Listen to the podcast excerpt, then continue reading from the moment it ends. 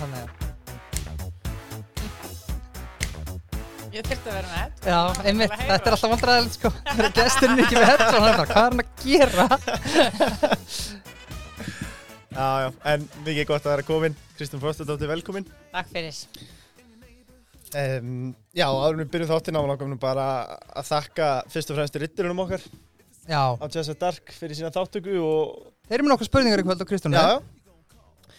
Það verður gaman að taka þær. Uh, og svo vil ég að sjálfsög þakka Jack Messanum. Hann er náttúrulega bara með besta fiskin í, í heiminum í dag. Já, algjörlega. Og hveti alla til að kíkja nýra og læka gundina uh, En ef við byrjum bara strax að þau Kristrún. Mm -hmm. okkur langaði að byrja byrja því að þú ferð hann í Boston University.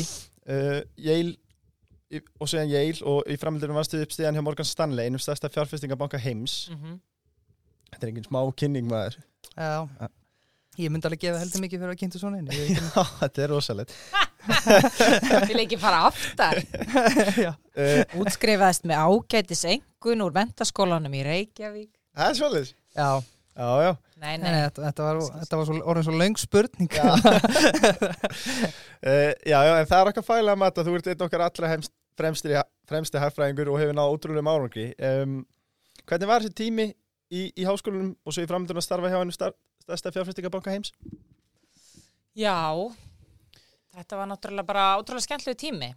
Mér fannst reyndar mjög leðilegt í Boston, sko. Mhm. Ég, hérna, ég fór fyrst út í dóttasnám í hagfræði og ætlaði bara að fara, ég var endur ekkert búin að ákveða hvað ég ætlaði, að fara í akademíu en veist, ég var bara svona mikill námshestur og ætlaði bara að fara alla leið og svo þótti mér þetta bara ótrúlega leðilegt það er nú eiginlega bara svona hreinskilina matið sko um, Samt kallar þau námshest Já, ég menn ég var það og ég er Já. það en þetta var, sko, ég var náttúrulega kannski búin að eh, færa mig yfir svolítið aðra braut í hagfræðin, ég var að vinna í greiningadeildinni Arion mm -hmm. eftir ég útskrifaðist um, og þetta var þarna svona 2011-12 rosalega mikið í gangi í efnarslífunu heima og Mhm. svona miklar pælingar og, og það var bara mjög sérstætt fyrir mig að koma inn í alveg ótrúlega fræðilegan heim. Og mikið að krökkun sem voru með mér í námi voru eh, hvað ég segi, bara svona mjög ótengt Ok, e, bæði vistalífinu og bara svona almennt efnagslífinu um, mikið til voru þetta eh, krakkar sem að svona bakgrunn í starffræði eða eðlisfræði og voru bara einhvern veginn að fara inn á allt öru fórsetum en ég. Mhm. Og ég áttaði mig bara á því því ég var komin út sko að mér langaði þess að gera allt annað við hagfræðina um, og ég hafði rosalega gott á því ég fekk svona smá bara svona skell mm mér þótti þetta rosalega erfitt Fluttur þú einan góð eða? Nei, ég flutti með manninu mínum Já, þú- já. maðurinn minn fór í sem sagt, um, hann fór í MBA-nám við Mhm. Yale háskóla á sama tíma og ég var bara að horfa á hann og bara shit, ógeðslega gaman hjá honum. Í þú veist bara allt öðru svona meira svona professional umhverfi og, og hérna og var bara alveg að klepra sko. Og, um, og ákvaði í rauninni bara að klára fyrsta árið í Mhm. doktorsnáminu og fekk það master út af því. Partur að ég fór líka þessa leið var að, þú veist, ég átti bara ekki pening sko. Nei, og það er ógislega dýrt að fara til bandarækinin nám um, og ef að þú kemst inn í þú veist, það er mjög erfitt að komast inn en ef þú kemst inn, þá kemst þið alltaf styrk. Mm og þá kom ég með svolítið svona baktera megin inn. Svo tók ég með árspásu og var bara að vinna hérna í bandarækjunum verkefni hér heima á Íslandi. -hmm. um, á meðan maður minn var úti og sótti um í Yale. En ég fór í meira svona uh, hvað ég segja svona, það kallast svona public policy nám, það er meira svona e, af íslensku myndi að kannski kallast ofenbæð stjórnsýsla sem að mér finnst þetta alveg hræðileg þýðing á því. Mhm. þetta er meira svona fólk sem er í svona hliðstæði við í MBA en er kannski frekar eins og í bandaríkjunum að vinna í kvítahúsinu eða í Pentagonu eða veist, er í friðargæslu. Þannig að mikið af krökkunum sem voru með mér þegar ég endaði að fara hann í setningarannum svona ofenbæri þjónustu Mhm. en í svona mjög svona spennandi þú veist, hérna störfum, veist, CIA og, og svona greiningu og þess að það Mhm. um, og þar var alveg ótrúlega skemmtilegt Já. Þú veist, ég var í 20 manna bekk og við vorum öll sko með svona fókus bara á ég er einu svona alþjóðlega þætti ég var meira í svona efnaðsmálum og hérna um, var líka svona séram í fjármálakrísum og þess að þar en svo var ég líka með, þú veist, krakka sem voru með mér í bekk sem að voru bara í hérna uh, þú veist, svona developmental studies, meira fókusa á, þú veist, hvað er að gerast í, í vanþróðurum ríkjum, aðri sem að voru mikið krökkur sem að voru með mér í bekk sem voru hernum, Mhm. þau verið í West Point og svo í Afganistan og Írak og voru að fókusa á svona hefð opinber út frá því þannig kynntist alveg ótrúlega mikið áhugaður fólki sem hafi bara með svona allt annað bakgrunn en ég en allir hefði áhuga á það sem að ennsku kallast bara public service sem er svona mm almanna þjónusta Algjörlega. um, og það er það sem er eiginlega svona fyndi sko, að því að ég er með svona fjármála bakgrunn, ég endaði þarna að fara síðan til Morgan Stanley að vinna í greiningu þar. Og síðan svona þeir sem að hafa eitthvað aðeins fylgst með mér hérna heima þekkja mig og kviku og svona. En ég var miklu meira komin inn í svona, þú veist, almanna þjónustu vettvangin og mörgulegt er það ekkert skrítið að ég hef endað í pólitík sko, Nei. En fólk kannski sá ekkert þann vingil á mig fyrst eftir ég komið heim sko. Nei, algjörlega. Hvað finnst þið skemmtilegast að læra? bara svona yfir höfu eða það núti Já, ef tökum þetta núti, er það þá, var það þá Sko það sem að ég hafið mjög gaman af í setni gráðinu minni var í rauninni bara svona praktisk nálgun af vandamál veist, það var verið, það var mikið af fólki sem var að kenna okkur sem var bara að koma úr veist, ákveðnum atvinnugreinum eða ákveðnum hérna, stopnunum sem var bara að koma inn með svona case studies veist, hvernig þau hafa beitt ákveðnum fræðum og þekkingu á þeim stað. Og ég er mjög hrifin af þannig nálgun, þú veist, maður þarf auðvitað að læra ákveðin grunn og ákveðina teori til þess að geta tilenga sér hlutina. En ég hef alltaf haft mjög mjög- engin áhuga á þessum svona policy vinkli sem er í rauninni bara hvernig þú beitir ákveðnum veist, hérna, kenningum og greiningum á vandamál um, ég er hagfræðingur og ég hef mjög gaman af hagfræði en ég hef gaman af hagfræði út frá svona félagsvísindalegu hliðinni Þannig ertu frek, hvort verður meiri rekstrar eða þjóðhagfræðingur? þjóðhagfræðingur, klárlega um, mér hefur alltaf þótt það miklu skemmtilega Mm -hmm. og þú veist að yfirfæra það á svona samfélagslega vandamál Mm -hmm. Um, ég tók mikið af kursum til að mynda bara um hérna Asíu, japanska hagkerfið kínuveska hagkerfið hvernig bara svona hagstjórn er. Þannig tók rosalega mikið af hagstjórnar kursum og það er mjög var, reyndist mér mjög svona lærdorsrikt þannig að þú lærir það bara í rauninni hagsögu en þekkir þá líka hvernig það brugðist við þú veist, þegar þessi krísa kom þegar 97 krísan kom hvernig var brugðist líka við þú veist, í 2009 kreppunni í bandaríkjunum í Európa þess þar. Og þú lærir oft meira af svoleiðis dæmum og dæmisögum og svona case studies en bara fræðunum verna þess að fræðin, þú veist, þau taka alltaf eitthvað svona kipp í kreppu Mm og það er ímislegt sem að ég læriði þú veist, í, í, að ég tók grunnnámi í hagfræði í háskólum, ég byrjaði hefstu 2008 Já. í hagfræði og þú veist, þá vorum við ennþá að læra eitthvað grunn sem var eiginlega strax eiginlega orðin úreltur, bara Já. árið sem ég byrjaði sko. Mhm. þannig að, að hérna, ég myndi segja veist, þessi svona praktiska lið að taka svona kursa sem að snýru að ákveðnum þú veist, löndum í efnaðstjórn voru mjög áhugaverðir Mm. en svo fikk ég líka, það sem var snildin við, við, hérna, við gráðuna sem ég var í við Yale er að við höfum rosalega mikið val Mm og þú veist, ég tók kursa í þú veist, heimsbyggjadeildinum, þú veist, Aristoteles og Sókrates og, og hérna, ég tók líka business kursa við MBA námið og, og maður gæti tekið líka, þú veist, kursa í hérna sögu, þeir voru með kursa sem að, mjög fræðin kursa sem heitir Grand Strategy, það sem voru með bara hersöðingja sem er að kenna bara hvernig þú bara þú veist, horfir á stór vandamál Já. Þannig að hérna, Það hljóma skemmtilega. Þú veist, þetta, er, þetta er alveg ótrúlega skemmtilegt og þetta eru svona tvö ára mín lífi sem að mun alltaf setja í mér. Mm það er auðvitað líka bara þannig þegar þú kemst inn í svona stopnun um, ég var það heppin og ég hefði ekkert getað gert þetta öðru ég fekk hérna, styrk til að komast í námið -hmm. og, og, og svona gráður eru oft þannig, það er eftir að komast inn en af því að margir enda á því að fara í almannaþjónstu og public service þá þarftu ofta ekki að borga venna þess að það er bara gert ráð fyrir þú ert að fara að vera í störfum Já, þetta var þjónust á samfélagi. Já, Mm. það sem úr þetta þjónasta samfélagið þú veist, síðan er alltaf einn og einn eins og ég sem að skilja fyrir 2-3 ár síðan í fjárfestingabanka Jútas. Já, nákvæmlega og algjörlega sveik mig en þú veist, ég er komin aftur, skilju Mm. ég er komin aftur En, atna, sorry, atna, hvernig var, af því að maður er bara búin að heyra bara í mörg, mörg, mörg ára, ég sé bara, og það er bara margar rannsóknir ég er bara fremst í háskóli í öllum heiminum Mhm. Hvernig var samt fólki aðna mannin svona, var þetta ekki dóltið svona, voru þetta ekki góði námsmenn en kannski ekki sérstaklega skemmtilega barnum? Sko, ég er nekkit þessum að ég var, hafa endilega verið skemmtlasta mannskina barnum á þessum tíma, sko, en hérna, þetta var náttúrulega bara rosalega mikið, þú veist, það var mikið ála og mikið um að vera og fólk tók því alvarlega sem að var að gera, en, en hérna, þú veist, þetta er þetta líka ótrúlega skemmtilegt líka venna þess að að það er, það er já, vissulega mikið félagslíf sem, sem þessu tengist, en þú fær líka svona tækifæri til þess að verið tengslegu stopnarnir og fyrirtæki Mhm. og, og það sem að þú í rauninni kemst í tengsl við þegar þú ferðin í svona stopnun er því að fólk er ofta að tala um að Íslandi sé svona einhverja klíkur skilur mm -hmm. veist, þessi skólar eru líka bara klíkur Já, þú veist, stæstu og frægustu fyrirtækin veist, koma öll á kampus og rekrúta fólk sko. mhm, þannig að þú ert um leið þú kemst inn þá ertu komin inn í svona ring skilur, þar sem að þú færið viðtal bara því þú ert í svona skóla einmitt, einmitt En það er náttúrulega mikill munur á því hvort þú ferð í svona ævileg skóla í grunnnám eða framhaldsnám. Þú veist, aðalega kannski bara upp á, ef þú ferð í veist, átjanara og býrð á campus, þá ertu í fjögur ár, veist, og, og hérna, og þar er, ertu mest megnis bara með bandarækjumönnum að mennum um leiðast komin í, þú veist, master eða doktor, þá ertu orðið alþjóðlegra mm og fjölbreyttara.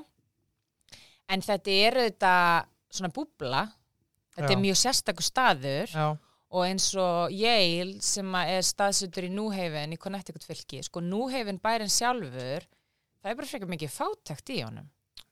veist, það er háskólinn sem er einhvern veginn í miðjunni og svo eru svona þeir sem að prófessorarnir búa og þeir sem að krakkarnir sem að búa ekki á campus og síðan eru bara svæði það sem er bara mjög mikið að fátæku fólki býr. Mhm, og og af því að er einn af þessum bæjum í, í Connecticut af því að fólk hugsa oft um Connecticut sem svona ríkt svæði, þú veist, Greenwich og Coscop og mikið af fólki sem að vinnur í New York mhm, og býr í, í Connecticut. En það eru líka bæir í Connecticut eins og New Haven og, og Bridgeport og fleiri, það sem að var mikil versmiði framleysla, mhm, það var verið að framlega skotvopn og, og hérna bara svona industrial framleysla sem lagðist niður, þú veist, 1970-1980 mhm, og þú ert bara með kynnslur af fólki sem bara mistu vinnuna og eru bara búin að vera á örorku eða á bótum og eru bara, þú veist, það er bara mjög mikið fátækt og glæpir. Já. og það er líka ótrúlega sérstakt af því að við, þú veist, á Íslandi erum vön því að, að hérna þó sé klárlega stjættaskipting á Íslandi þá er hún ekki eins mikið kannski andlitun að þér. Og þarna getur þú bara farið úr því að vera, þú veist, með skilur, badni, hérna, hátsetts einstaklings bara í bekk, skilur, eða eða, eða bad sem að, þú veist, á pappa sem á Vogunasjó og kannski bara Lamborghini mhm, og svo lappar í næstu götu Já. og það er einhver sem bara ekki á, í skóm, sko. Þannig að það er líka eitthvað sem hefur rosalega áhrif á þig. mhm, Bandaríkin eru svo sérstök staði hvað Já. þetta verðar. Þú veist, Þetta er, þú veist, þetta er svona staðir þar sem að ef þú ert á réttu stöðunum, þá getur þú gert ótrúlega hluti. Finnst þér að kapitalismi bara algjörlega að fyrir bandaríkjanum? Ég menn, hann gerir það náttúrulega. Já. Hann er algjörlega óbeistlaður Mhm, og það er rosalegir öfgar í samfélaginu. mhm, Eh, og mikið er til dæmis að, að fólkin sem var með mér í bekk, ég menna rosalega heilstætt fólk, uh, fólk upp til hópa sem að hafiði, ég held að það hafi verið svolítið öðruvísi kannski mínum, sko, í mínum bekk vegna þess að það, var, það var, voru krakkar sem hafi ferðast mikið og voru með svona áhuga á einmitt almann þjónustu og alþjóðamálum, þannig að þau hefðu búið erlendis og gert hitt og þetta. En þetta er samt, sko, þannig skóli að upp til hópa í fólki sem er í kringu þig búið að vera á rétta trakkinu frá því að fættist mhm, skilur, það fættist í réttu fjölskylduna fór í rétta sko leikskólan Já. þú veist, fór í rétta grunnskólan þú veist, high school tók réttu kursana veist, var með á umsóknunum sínum þú veist, allt þetta veist, auka stöf, skilur Er búið að leggja rauða dreigilin? það er svolítið búið að gera Já. það það eru þetta fólkan á milli, þú Já, já. veist en það er ekkert algengt að það, þú veist, ég meina ég kem frá mjög hefbundu bakgrunn skilur, bara svona millist þetta fólki Mhm. en, en ég meina það var engin, engin rauður dreigill fyrir Nei, mig, nei, nei. ég er bara afrakstur af íslensku velferðarkerfi, Já. skilur þetta kerfi virkar allt öðris í bandaríkinu Mhm, og það er miklu minna fólki með svona mjög hefbundin bakgrunn sem er í þessum skóla og þau sé alltaf svona inn á milli að, að reyna að bæta sig þannig að þú, þú getur alveg lent í samtölum sem eru svolítið svona Já, þyrst sko. Já.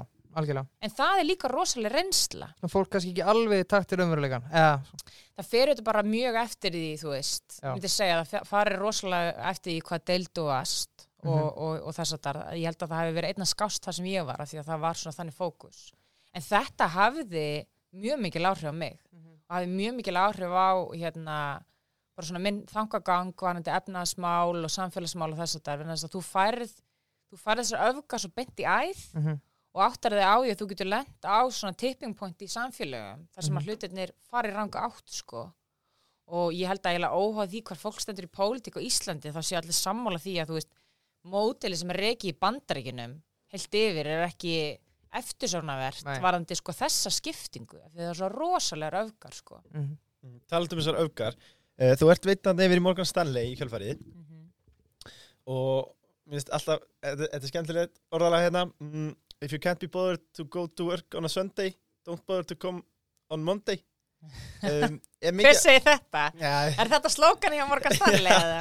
Nei, en, Nei, ekki, já, Saturday, eitthvað If you don't come to work on Saturday if, if you can't be bothered on Sunday don't bother coming to work on Monday uh. En pælingin er samt sko var þetta mentalityð? Já, Já, ég meina það er þannig það var þannig, maður minn var líka að vinna í fjármálgerðum, hann var í svona meira aggressífi vinna en ég, því hann var í investment banking, í, Mhm. í fyrirtækjaráðgjöf þú veist, greiningin eh, svona greiningadeildina research er svona kannski aðeins skrefinu neður, skilur. Neður, þú, þú veist, þá mætti maður kortir í sjö af því, þú þarft að, að margar í bandaríkjunum var klokkan átta sko, ekki eitthvað klokkan hálf tíu eins og Já. Íslandi sem bara eitthvað grín eða ert miðlar á Íslandi. Já, já. veist, þá ertu bara í vinnin á milli nýju og hálf fjögur. Þetta er bara eitthvað algjört djók. Djókst ég þetta einmitt, þetta djókstið Sitt ekki undir sér en sko, en já, þar opna markaði átta. Já, og þannig ef þú ert í greiningu og, og þú veist, þá kom allar hérna e, þú veist, allar markasfréttir skilur, þá, koma þær þú veist, fyrir átta á mótnana sem Mhm. þarf, þú veist, að vera með first take á þú mæti kortir sjö og kosturinn við að mæta kortir er að þú veist að þá er 12-13 tíma vaktinni lokið klukkan átta, skilur já, á meðan að Vá, þú veist, geggjað. ef, þú ert í hérna, fyrirtækjaraðgjunni þá ertu kannski að mæta nýju og ert til 12 já. Þú veist, á hefðbundnum degi. Það er hefbundin dagur. Það er alveg er hefðbundin dagur. En menn nýttu sér styttingu vinnuvíkunar grimt þannig eða ekki? E, Jó, já, þú veist. Ég er ekki viss um sko veist, þetta er einmitt tímpúntur þar sem að veist, allir óháð pólitík eða vera hérna, þakkláttu fyrir verkefælisræfinguna í Íslandi Já, Þannig að verkefælisræfingin í Íslandi er ástæðin fyrir því að vera með 40 tíma vinnuvíku heilt yfir hérna. Ég meina þetta er náttúrulega bara ekki, þetta þekkist náttúrulega ekki í mjög mörgum gerum á, í bandaríkinum. Ekki bara í fjármálagerum. Fólku vinnur bara mjög, mjög mikið í bandaríkinum já, og það er bara mjög algengt sko meiri sér þó þú sért ekki í ykkur svona high-flying giggi eins og í fjármálageranum að vera að vinna, 60-70 tími viku já En það, það eru langi dagar, já, og sérstaklega ef þú ert, já, í rauninni eiginlega óháði hvort þú ert svona ungliði eða meira senior, sko. Um, mikið unnið, já, það er unnið um helgar, skilur, en þú veist, þá er næs, skilur, að geta sofið aðeins út og mæti vinnuna hátegi, skilur, Já, og vera farin klukkan fimm eða eitthvað. Er þetta í alvörinni svona? Já. Þetta er svona, sko. þetta er svakalegt Fannst þér vera, þegar þú mættir inn í Morgan Stanley Fannst þér vera karlægstemming að Já, eða þú veist, já, já, það er það þetta. Um, það er það, ég pældi kannski ekkert mjög mikið í því, ég menn fjármálagerin er mjög karlægur, hann er það á flestum stöðum. Um, en ég, þú veist, ég, ég reyndar lendi aldrei í neinu svoleiðis í bandaríkinum, en bandaríkjumenn eru líka rosalega, þú veist, þeir, hvað ég segja, Eh, band, þú veist, það er oft talað svolítið um að Íslendingar séu þú veist, svona næs og líbó en það fylgir því líka að vera næs og líbó í bandarækjunum er allt bara super professional Mhm. sem að þýðir líka að þú veist samskiptu mellir fólks eru super professional. Já, fólk er ekki að fara út og hella í sig saman skilu, þú, veist, það þú ert bara í vinnunni já, og það getur stundum verið slæmt upp á það að þú ert ekki eins mikið svona buddy-buddy mhm. Það er ekki þannig, þú ert ekki þú ert, átt ekki drosa mikið af vinum í vinnunni. Þetta er bara samstarfélagi þetta er samstagsfélagi Já, og þú ert auðvitað með fólk sem að kannski gekk í gegnum prógrami með þér þú veist, þegar þú veist að koma fyrst inn og, og er, þú veist, eru vinniðinni en þetta er allt öðruvísi. Og ég hugsa, ég náttúrulega þekki það ekki sögulega sé, en að það, það er ekki tilvilun, skilur Mhm. það er náttúrulega líka búið að stilla því þannig upp svo að þú ert að bara takmarka að koma upp ykkur svona árekstra sko. Mhm. um, en auðvitað er þetta karlagt að því leitum leið og hefði farið að reyna á eitthvað hjá mér skilur, ég var ekkert komið batn eða þú veist fjölskyldu eða neitt svona skilur Mhm. það er allt öðru í þessu, ert bara eitthvað 25 ára og þú veist, ert, ert sveilegur sko Já, en það er, að því ég, svo var ég aðeins á London skrifstón og það er aðeins öðru í þessu stemning þar sko. Mhm, en þar er fólk svona aðeins frjálslegra. Já, en þar eru þetta, þú veist, þegar þú ert í ef þú ert að vinna hjá svona alþjóðlega fyrirtæki í London þá ertu ekki, þú veist, bara með breytum, þá ertu með Evrópubú, Mhm. mm því að þetta er höfustöður í Evrópu. Og menn í bandaríkinum voru eiginlega bara bandaríkjumenn að vinna Já. og það heldur rosalega margir að ég væri bara þú veist, með íslenskan bakgrunn eða eitthvað, Mhm. þú veist, það gerði engin ráð fyrir að ég væri íslendingur að vinna þarna. þannig að það er allt öðru þessi svona, svona samstarfskúltur og þýldurum til, sko algjörlega Já. Um, við langar aðeins að venda hvað okkur í kross og, og Mm. ræða efnaðastuði heimsins. Um, þurfum að hafa ágjur af þessu, við erum kannski að sjá 75 púnta, 100 púnta Ekkun á morgun á morgun. Uh, líkt að Evropa og bandringin séu á leiðin í jafnvel kreppu verðbólgu. Mhm. Hvernig horfður þetta svona við þér? Var ekki, ef fáið skjótinni, var ekki að lesa viðtal við hann í hann Katrinu í peningastefnunend að við verðum sem var að búa um mikla verðbólgu bara næstu tíu árin Jú. bara fólk sem er skuldugt að bara gert á spil næstu tíu árin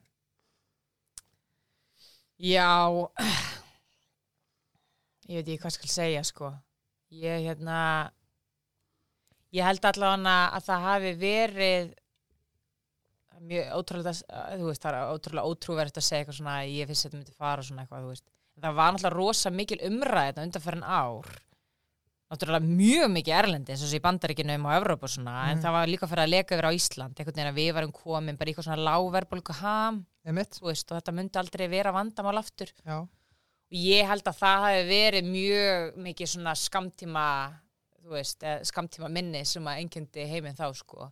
Þess að við, það við vorum að koma líka út úr tímabili sem var mjög sérstakt í hagsögunni sko. Mhm. þú veist að hérna við vorum með, hérna, búin að vera Kína að ko- koma inn á hérna, alþjóðamarkaðin með vörur lækka, þú veist, vöruverð víða þrýsting, laun um, og voru búin að vera svona struktúral breytingar við það og fólksfjölgun sem að var að gera það verkum að vara ódýrt við það að hérna, framleiða að vöru og svo hafa bara þessir kraftar svolítið breyst til til að snögglega Mhm. og hefði kannski átt að vera fyrirsjónlegt sko. En ég meina þetta er auðvitað ági ástand sko. Mhm. þetta er það og ég held að það sem er náttúrulega vest hér heima er bara þessi staða með að við séum með þessar ótrúlega hækkanir á húsnæðisverði. Af því að mér er alveg sama hvað fólk segir um eitthvað, já þetta er bara að gerast allstæðir kringum okkur, ég meina við erum svona að reka okkar eigin peningastafni skilju mhm, við erum að ríkhalda í okkar eigin mynd til þess meðal annars að geta verið, þú veist, með þessu hlutu under control og síðan þá getur ekki alltaf verið að vitna bara til stöðunar erlendis, skilju En gæti ekki gæst núna að að þetta gerist bara eftir, eins og eftir hruna, það, það er verið að byggja endalist núna. mm -hmm. Þú veist, það er að fara að koma svo mikið íbúum markaðin. Endar þetta ekki bara eins og eftir hruna sem er að keira einhverja rúnd og það er bara tómar íbúður út um allt. Ég veit það ekki, það er bara svo mikið uppsöfnu þörf sko, en Mhm. auðvitað getur alltaf komið eitthvað mismatch á markaðin, vandin er auðvitað það- sá bara yfir höfuð að, að húsnæðismarkaðin er einhvern veginn struktúrur og þannig ekki bara hér heldur allstaðar, að það er alltaf það er alltaf aðeinar sem að gera út af að það sé alltaf svolítið skortur. Já. Ef þú ert verktaki, þá ert ekki að fara allar markaðin. Veist, ef þú veist að það eru komnar mjög margar íbúður í sölu, þá býður bara hans með að setja veist, þannig að þetta er, þetta er líka markaður sem er drifin áfram að skorti Mhm, og þess vegna, þú veist, hef ég verið á þeirri skoðun og þú veist, mín svona pólitík liggur í því að, veist, við, að við förum í því að leggja áherslu á húsnæði þar sem þú ert með bara stöðu og ofnbær framlegu uppbyggingu þar sem er verið að byggja óháð efnahagsástandi og óháð því, þú veist, hvað verktakanum finnst hverju sinni.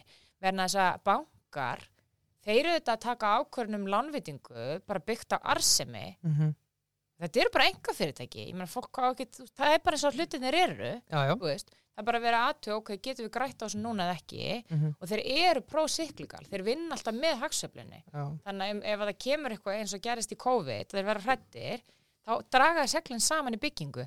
Þráttur þessi alveg jafn mikið að fólki á Íslandi sem þarf íbúðir, menn Einmitt. fólks fjölgun mhm, hún var ekkert að breytast mikið á þessu tímbili eitthvað var hann að aukast já. þannig að þannig ertu með svona samfélagslegan part, skilju, sem er bara fólk sem þarf að búa einhver staðar Mhm. skilur, og kaupa sér íbúð og á að vera svona tiltöla fyrir sannlegt þó að sé alltaf svolítið erfitt á Íslandi því að við erum meira náttúrulega e, veist, svona svolítið hreyfanlegt vinnafl sem kemur inn og þarf húsnæði en síðan ertu með fjár, fjárveitingu sem stýrist eða 100% Mhm. af engageranum, fjármálageranum sem að þau ákvaða bara að lána eftir hvað hendar þeim hverju sinni og það er náttúrulega eitthvað off þar sko Já.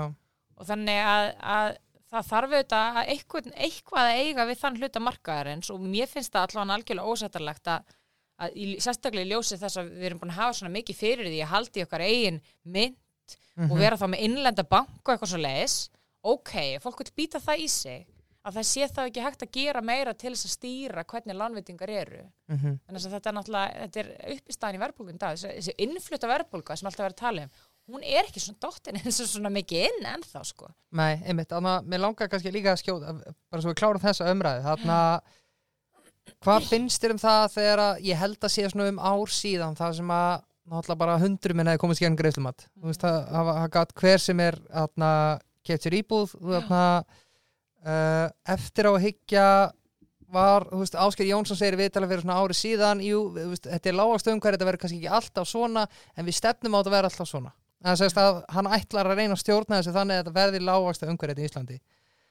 Og kannski núna í staðin að þá ætti hann kannski meira sér að vera að fara í grófari vakstahækkan en þú orðið ekki að því að það eldi svo illa sem hann sagði fyrir um ári síðan. Þú veist þú veist, hvernig endar þetta? Þú veist, ég líka bara, ég, það sem ég hef svo miklar ágjur af er bara þarna, fólk sem bara með óveitritt lán og breytilum vöxtum þú veist, þetta fólk er bara að fara að missa húsnæði bara næsta árum, þetta heldur svona áfram. Ég, men, ég hef verið náttúrulega mjög vókal og var það á síðustu tveimur árum varðandi þessar vakstarlækkanir mm -hmm.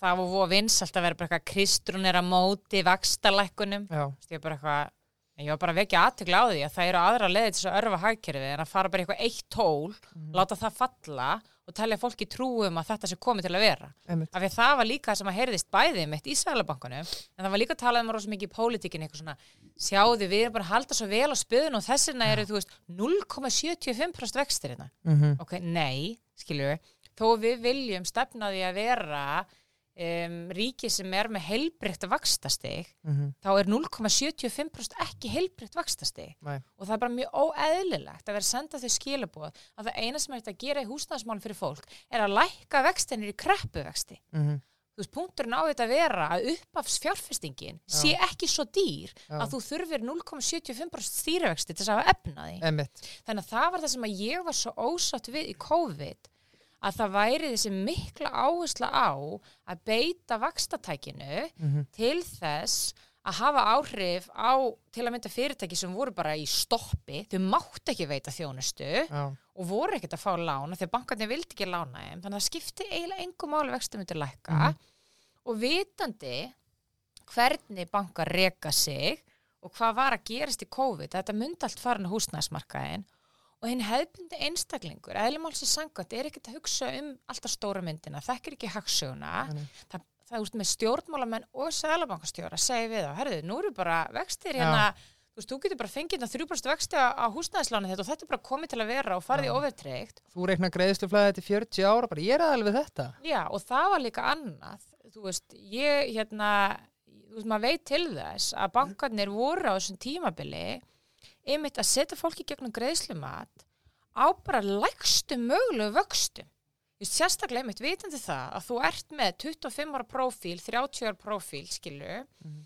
og, og hérna fólk gerir sér ekki grein fyrir því að þessi lágu vextir þetta var, þetta var bara svona algjörst absúrt ástand á markanum mm Þannig að það eru auðvitað einhver sem komist inn á þeim forsundum og ég meina fullt af fólki ræður alveg við eitthvað hækkun en það sem að mér finnst oft vant í þá umræða því ég hef nú aðeins tekið þetta debatt við fjármarraðara í ræðistól og þá kemur alltaf eitthvað það er engin vanskil vanskil hafi verið þau legst í langan tíma sko, ef að vanskil eru mælikvarðaði hversu vel gengur -hmm. þá ertu komin að eitthvað mjög skrítin stað því að það síðasta sem fólk gerir Já, er að hætta að greiða húsnæðin sín. Þú getur verið komið í bullandi vandræði en þú lendur, það að lenda á vanskilaskráta húsnæði, það getur haft áhrif á bara lánshæfið þitt í mjög langan tíma. Já, algjörlega og ef það er eitthvað sem fólk er ekki tilbúið að fórna að láta setja á hakanu þá er það að láta draga sig úr einn, einn húsnæði sko. þetta Já. er það sem fólk myndi frekar láta svelta sig bara í marga daga það er sko. nefnilega máli. Þannig að þú veist, vanskilar hlutvöll eru ekki mælikvarði á fjárhagslega neyð fólks. Það gefur auga leið að þú ert með stóran hóp innan ákveðin spil, svo ert ekki eitthvað með alla Íslendinga, Mhm. þetta fyrir alltaf í eitthvað svona, þið er alltaf að tala um allt sér slæmt, nei, ég er ekki að tala um allt sér slæmt, ég er bara að tala um að það er hópra fólki hérna, annars er fólk sem er hérna á lægri tekjum og má við minnu og síðan hins vegar bara ungt fólk sem er að taka fyrsta lánin sitt mjög hátt, þú veist, maður er að heyra því að fólk er að skuldsetja sig um 60 miljónir fyrir fyrstu íbúð, Já. þú veist. Og ef þú ert með 60 miljón krónar lán Já, þá þarftu rosalega litlar breytingar til þess að hafa áhrif á greiðsluflæðið þitt mhm, og fólk sem er nýskrið út á háskóla eða er kannski fyrstu vinnu sinni það er ekkert á rosalega háu launum. Nei, þó að það kannski myndi ekkert skilgrina sig sem eitthvað svona fólk sem að þarf á félagslegu húsnaði að halda. Ef að fólk í viðkvæm stöðu hvað þetta varðar og það eru margist sem standa frammi fyrir mjög breytri greiðslubyrði núna Sæðlabankastjóri og fleiri hafa sagt ég meina þá fer fólk bara yfir í verðtrykt bara eins og þá fer yfir í verðtrykt þá bara svona hverfi vandabáliðin já, nei, menn þá bara, bara getur upp allt eigið fyrir þitt, skilur já, og það er nýbúið að taka svona rassju að fólk að tala um það er svo frábært að allir skulle vera að fara í overtrykt af því að þá virka stýrivaksta já. betur og þá stjórnum við hlutunum betur. Mhm, það er alveg rétt, það Já, er betra sko. Og svo er það fyrsta sem þú segir bara eitthvað farið bara yfir í verðtrykt já, já, skilur, algjörlega. Þetta er mjög óábyrgt. Mér Mhm. finnst þetta mjög óábyrgt og þú veist, það var mín skoðun og ég bara leið mér að fullir það. Ég meina partur af þessari stefnu sem átti sér stað í COVID þegar vakstarleikunum átti sér stað það var að láta einstaklinga, bara enga markaðin skuldsetta sig fyrir batanum mhm, til þess að lámarka skuldsetningu ríkisjóðs og ég meina, fólk getur verið með mismundi skoðanir að því hvað ríkið á að gera. Ég skal bara, þú veist, það er bara allt í lagi. En það breytir því ekki að þú ert með ákveðin hóp sem skuldsetti sig í þessu ástandi mhm, og það er með örfaði kerfið örfaði enganislu og það situr nú frammi fyrir þessar áhættu já, og mér finnst að þessi eðlilega að ríki taki þessa áhættu á sig en ungt fólk og tekilótt fólk sko. mhm, En síðan er eitthvað fólk, þú veist, að miðjum aldrei sem að tóku eitthvað lán og ræðir alveg við hækkun og það er bara í góða lægi, sko. já En ka kannski er þetta algjört í mér núna sem ég er að fara að segja en hvenar samt verður þau samt bara trist á einstakling hvað það var að hann hafi bara vit fyrir sjálfum sér að þú veist að þa- þarna til dæmis fólki sem er skuldsett sér 60 miljonum fyrir fyrstu íbúð þú veist, eigum við endarast að bera ábyrð á því fólki sem að gerði það og skuldsetti sér í botn í staðin fyrir að við segjum bara þarna að að einhvers, eða þú veist, skilur hvert er að fara Já, ég skilði alveg og ég meina þetta er bara mjög góð spurning og maður færi þetta allt. Ég fæ þetta oft. Þú veist, eigum við alltaf að vit fyrir öllum? Nei, en ég meina, sorry, það er ekkit allir með stert bakland, skilju. Nei. Það er bara að byrja því. Það er ekkit allir, þú veist, sem koma heimilum, þar sem að þú færð aðstóð við svona hluti. Svo bara Mhm. að byrja það, vera ekki fyrst, þú veist.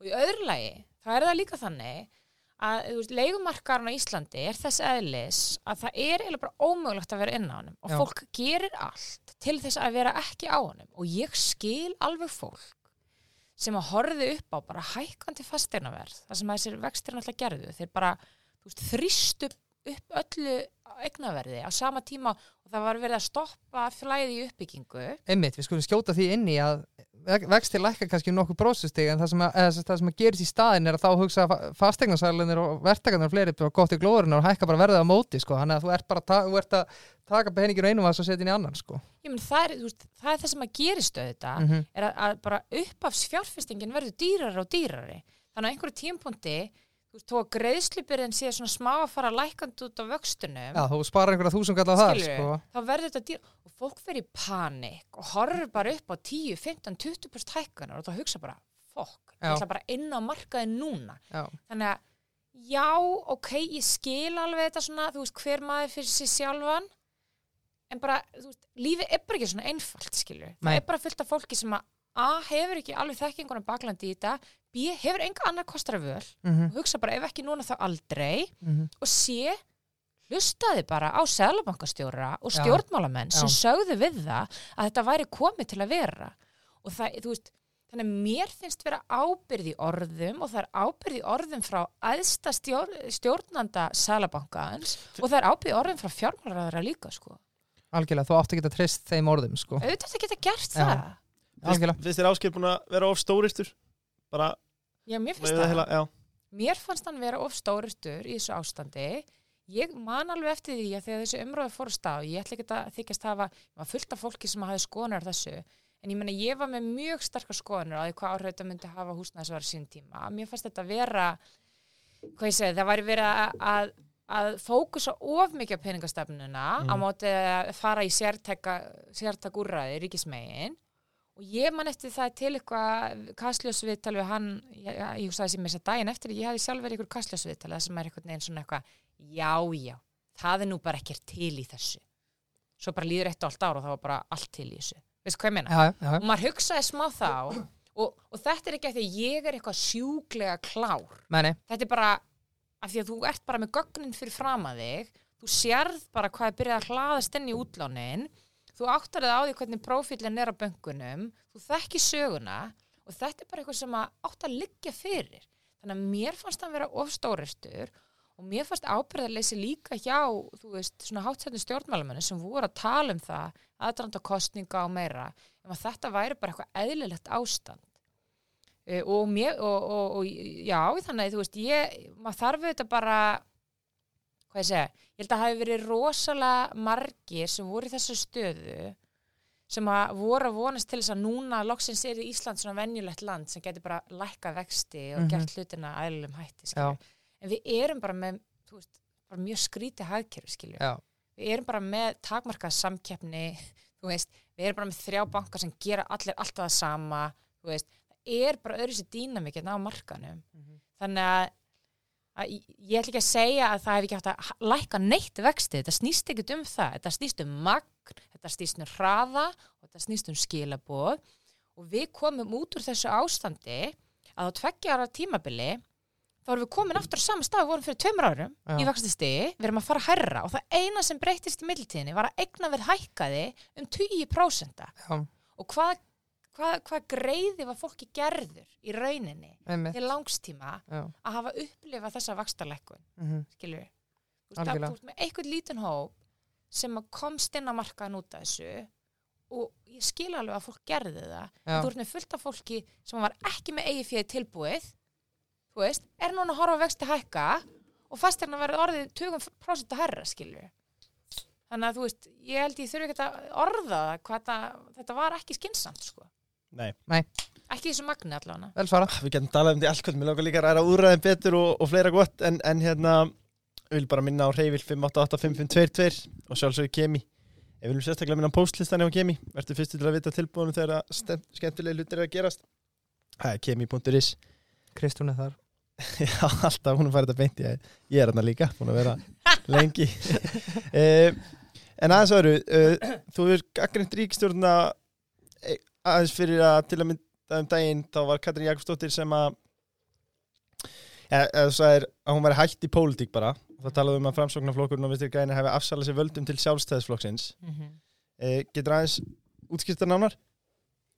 já, ég meina sjálfstæðismenn stýra fjármálaráðanendinu já, og það er bara ráðanendi það er bara því ráðuniti það er bara ráðanendi, það er bara peningarnir skilur já, og bara, þú veist, peningar ráða.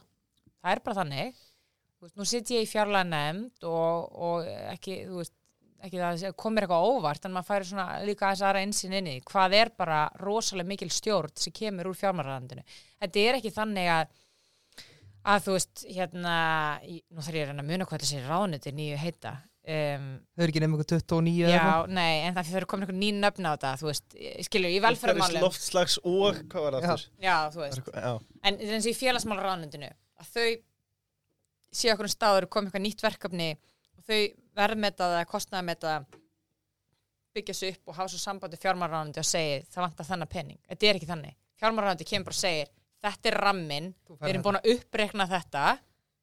Finnið út úr þessu. Þetta er rosalega stíft allt og ég meina, sko, það er alveg kostur og gallir af þetta, ekki miskila mig, ég er ekki að segja að þú er bara einhvern veginn að, að, að hérna, vera í endalusum útgjöldum. Nei, ekki um opið veski. Alls ekki. Mm en staðrindin er bara svo að það er fjármagnaðanir sem ákvæða hvað er fjármagnar og það sem að til dæmis byrtist núna núna er, er ríkistjóðin búin að byrta fjármálaállun næstu fjögur, fimm árin Einmitt. um, sem að síni bara spilin hvert fjármagnar fara. Og, og ástæðan fyrir ég saði þetta í þessu samingi er að þú ert til dæmis með innvegar á þeirra framsvonarflokkuinn, forma framsvonarflokksins sem búin að fara mikið í umræðinni varandi húsnæðismál og hvað nefndi það margóft bæði í, í greinaskrifum og ræðum í, í, í, hérna, í pontu alþingis og, og í fjölmjölum að, hann hefði mælt með því að það ætti að setja stóriki fjármagn inn í fjármálátlun í uppbyggingu húsnæðis. Það er niðurskurður um 2 miljardar innan málaflokk á tímbilinu. Mhm. Ég menn þetta er bara fáranlegt, veist, Bjarni hefur bara sagt nei, það hefur eitthvað gest þarna í middeltíðinni af því að þrejum vikum áður þá segir ráþarann bókstafli í pontu, ég er búin að mæla með skilur, að það verður að setja meira fjármagn í þennan lið og það kemur ekki. E- og maður sér þetta bara í mörgum öðrum málaflokkum sem að, að hérna, framsóknarflokkurinn og vinstargrænir er með er að það er bara ekkert fjármögnun í þessu verkefni sem við erum að tala um og, og stór hluti af stjórnarsáttmálanum er sko, hann er vannfjármagnaður nema þau ætli bara að fara þá í eitthvað niðurskurða móti Mhm.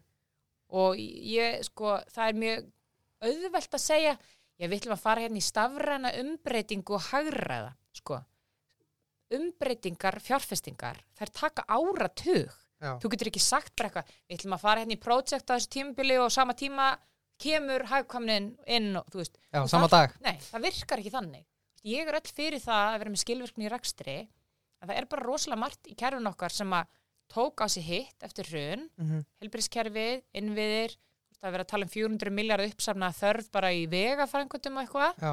Og ég meina á einhverju tíumpunkti þá kemur líka skuldadögum í þessu og það Mhm. þarf að eiga sér stað hvernig leiriting og mér finnst það ekki endurspeglast í fjármálátlun og að þýlitunum til segi bara, ég meina hann, hann ræður. Bjarni ræður rosalega miklu. Ertu þá á því að þarna, það voru rosalega margir á því að þarna, Bjarnar leið svo rosalega vel að vinna með Katrinu, hann var tilbúin að gefa eftir fósætsræðaniti og, og gefa Katrinu fósætsræðaran. En er það, er, er það að segja eiginlega bara að fjármálaröðan sé bara stærri en fósætsræðaniti? Það er það að mörgu leiti sko.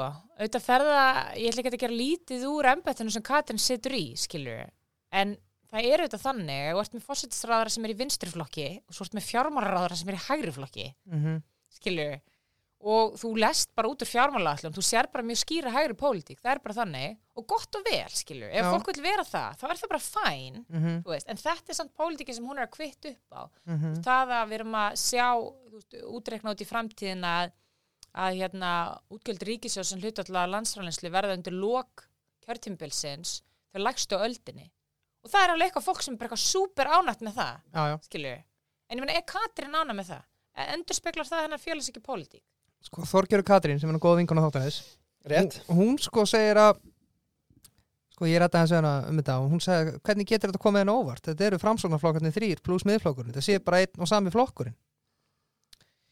já, já en þú veist ég veit það ekki, kannski fólk sem er búin að vera lengi í pólitík einhvern veginn bara og gefa sér að, veist, allir bara afsali sér uh, hugsunum sínum um leiði fá embætti, þú veist. Já, ég, bara, ég er kannski ekki ennþá orðins að dauða innan skilur veist, mér, það sem að mér finnst um, óþægild við stöðuna sem Katrin er í ég meina hún er í flokki sem að á að vera vinstri sinnar flokkur sem ég er í skilur, ég er, þú veist, krati. Já, Þú veist, ég horf, vil, vil vera í breyðfylkingar þú veist, sósjaldemokratískum flokku flokki þar sem ert með fólk frá miðju til vinstri og það eigi að rúmast innan þess. Mm og vafki á að vera vinstra með við það. Já, en þú ert með einstakling þar sem er ekkert að beita sér fyrir, þú veist, svona félagsíki forsöndum í efnaðasmálum og sem manneski sem hef mikinn áhuga og þekkingu á efnaðasmálum þá finnst mér frustrandi að þessi stöðt við að senda þessi skilabóð fólk sem að sé svona félagslega þengjandi það bara hafi ekkert input í efnaðasmálumræðina mm og mér finnst hún vera þannig. Hún tekur bara punta frá Bjarnar Benediktssinni já, skilju, sem er bara fæn ef þú ert í sjálfstæðisflokknum en hún hefur enga sjálfstæðskoðun á efnaðsmálum og fjármálum. Og mér finnst það ekki gott fyrir svona ásýnd félagsíkiflokka verðan þess að mér finnst skipta máli að þegar flokkur eins og ég er í fyrir ríkistjórn að þá fyrir við í vegna þess að við erum að fókusa lífskjaramál, húsnæðismál, velferðamál, svona stór grunn kjarnamál og getum sínt að þessi hægt að reka veist, okkar pólitík með ábyrgum hætti Mhm. að það borgi sig fjárfyrst í kerfunum af því að þá einhverju virkni og allt þetta en þegar þú ert bara farin að skila auðu í þessu og ert ekki eins og það er ekkert sem bendir til þess að hún sé að hafa neina skoðun á því hvernig ríkissjóður er rekin með við pólitíkina sem endurspeglast þarna Mhm. þannig að mér finnst það að vera ákveðin uppgi og ég get alveg bara leift mér að vera svona gaggrinn á þetta verðan þess að núna eru þið búin að vera í, í að vera fimm ár Mhm. við erum með fjármálaállin sem sýnir hvernig staðan verður út kjörtjömbilið og það er bara ekki verið að fjármagna stóra flokk hérna, stóra máluflokka og ég get ekki ímynda mér að það sé eins og hún myndi vilja sjá þetta ef hún hefði einhverja skoðun á þessu sjálf Þannig að Bjarni er bara kongurinn Sýnist það? ég menna sjáu bara núna Íslandsbankamálið Já, við erum það er bara í Næsta það mál á Skilju, dagskrá. við Um, erum bara í það. Já, Á- Áður en við- áður en við förum í saumana því. Áður en við fáum að kveikja fullkomlegin í hérna. Þá, þá langar við að spyrja þið bara verður ekki að gefa Bjarnabend það hann kom allavega, hann kom vel fyrir á fundi með stjórnskupunar og, og eftirlistnefndin í senustu viku og náðu að svara fjárlegan, það var fjárlegan Já. fjárlegan fundi, já. Já, fannst ykkur hann koma við fyrir? Mér fannst þetta vera Ég gefi þessu 9-5 já ég ekki, er ekki búin að horfa upptökuna sko. Nei, ég mælu með. Þannig að þú veist, ég var bara þarna. Já, þannig að ég kannski var ekki droslega mikið að hérna pæla í því, þú veist, hvernig hann var að koma út, sko. En já, ég mann sem sem vilja, vilja meina hann sé bísna sleipur, en hérna, það var nú líka ymsar upplýsingar sem komum fram á þessu fundi og ég ætla nú bara að plugga grein sem ég byrti í gær, ok. uh, Já, á mánudaginn. í, hérna, það sem að ég fer svolítið yfir mitt hvað kom fram á þessum fundi, verðan þess að það er ímislegt sem að hann staðfisti og staðfisti ekki Mhm. sem að mér finnst ekki droslega smúð sko. Ok. okay. allavega hann endurspeglar hérna ákveðnar áherslu og áherslu leysi í þessu ferli sko. Mhm. en, en hérna já, ég getur vel verið að hann hafi litið ákveðlega út þegar hann svaraði spurningunum ég veit það ekki Nei, hérna, já, við vorum nokkuð spurningar á hann að varandi þetta já, já, bara, bara einfalt eh, er þetta á hann að segja af sér, reynilega þú veist mér finnst þessi afsagnarspurning skilju, ég það er auðvitað hans og bara þeirra ákvæða þetta. Ég menn það skiptir ekki máli hvað ég við í stjórnarnarstöðu segjum það oft skilju. Það mun ekki hafa neina áhrif. Nei.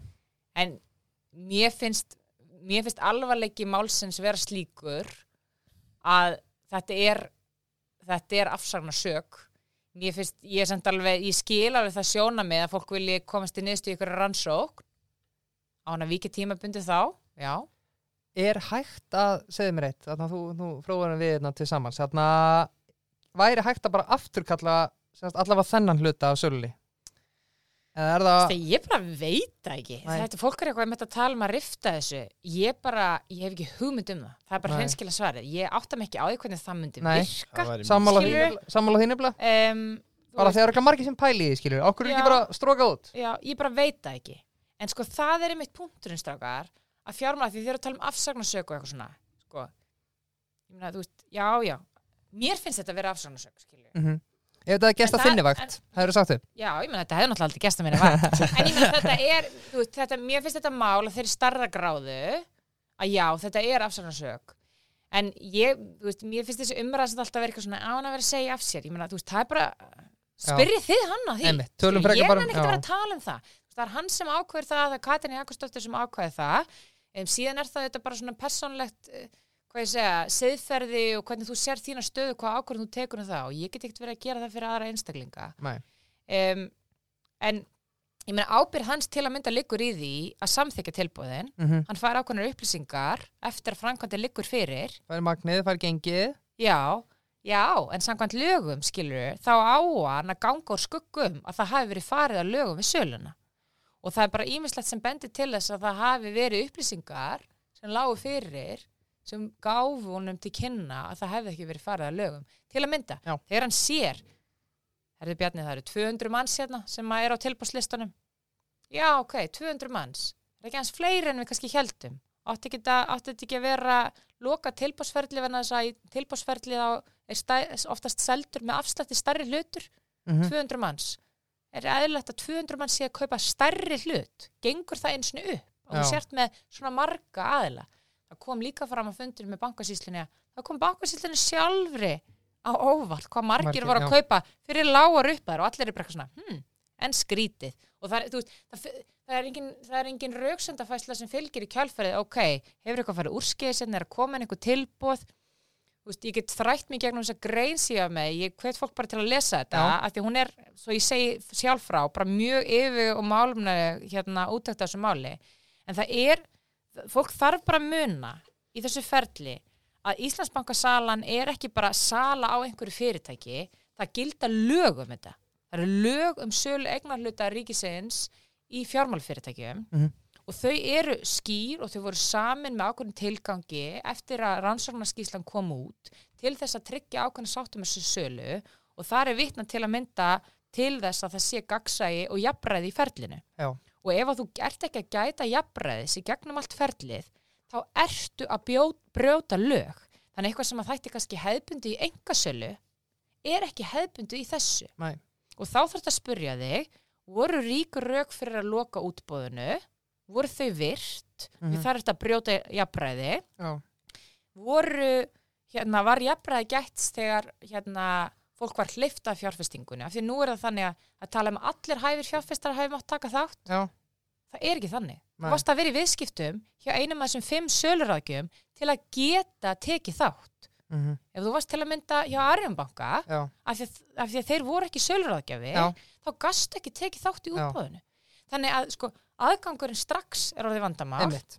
og síðan eru líka upplýsingar um og þetta fekst allt staðfest á fundinum að tveimu tilbúðum hafi verið hafnað af því að Erlendur ráðgjafurinn sagði um, við heldum að þessir aðalega séu ekki heppilegir af því þeir eru of kveikir Já. Var ekki hægt að setja einhver höft þannig að fólk bara gæti ekki selt strax en þá myndi það kannski bara Já, sem þá sagt, situr það bara á búið til framverka samlingu stæðin Já, ég, ég held Nei, sko, það hefði verið víst hægt að gera fullt umræðan er rosalega mikið eitthvað svona Kristrún, þú sagðir ekki neitt um þessi höft eða akkur segir nefndin er ekki neitt um þessi höft? Sko það er fjármálar á þeirra sem að lokum ákvarðar tilmælinn sem fara til bankasýslunar Mhm. til að tryggja að framkvæmdin sé samkvæmt lögum.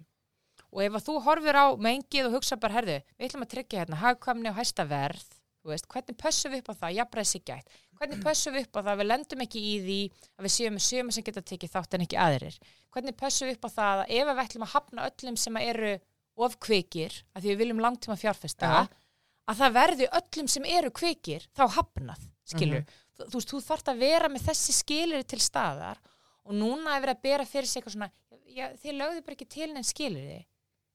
fjármálar ráð þeirra ber ábyrð á því með sína tugi ráðgjafa í fjármálaráðunitinu, skilur og bankasýsluna þar í samvinnu um að fyrir útbóðið hugsa, ok, hvað getur hvernig, þetta eru verklagsreglunar við tekum í þessu box að því mér finnst umræðan verið að koma svolítið á þann stað að það sé bara eitthvað svona pétur út í bæ sem hefði mitt að segja bara, "Já, hvernig hefði ég nú gert þetta Já. Nei, þú ert með sérfræðinga í vinnu sem eru á háum launum Mhm. þú veist, við það, bara alveg eins og eh, í hverju annari vinnu, vera með eitthvað verklag sem tryggir ákveðna útkomu og það verklag virðist ekki að vera til staðar. Um, þannig að þetta snýst í rauninni bara um að, að lögum hafi verið fyllt í því samingi síðan er fólk auðvitað líka að hugsa óað því hver lagalega staðan er. Bara hvernig hvernig þú veist bara siðfyrirlega sjónami lögin voru sett til að auka tröst á, á sölunni. Já. Og ef 83% landsmanna er ósátt Já.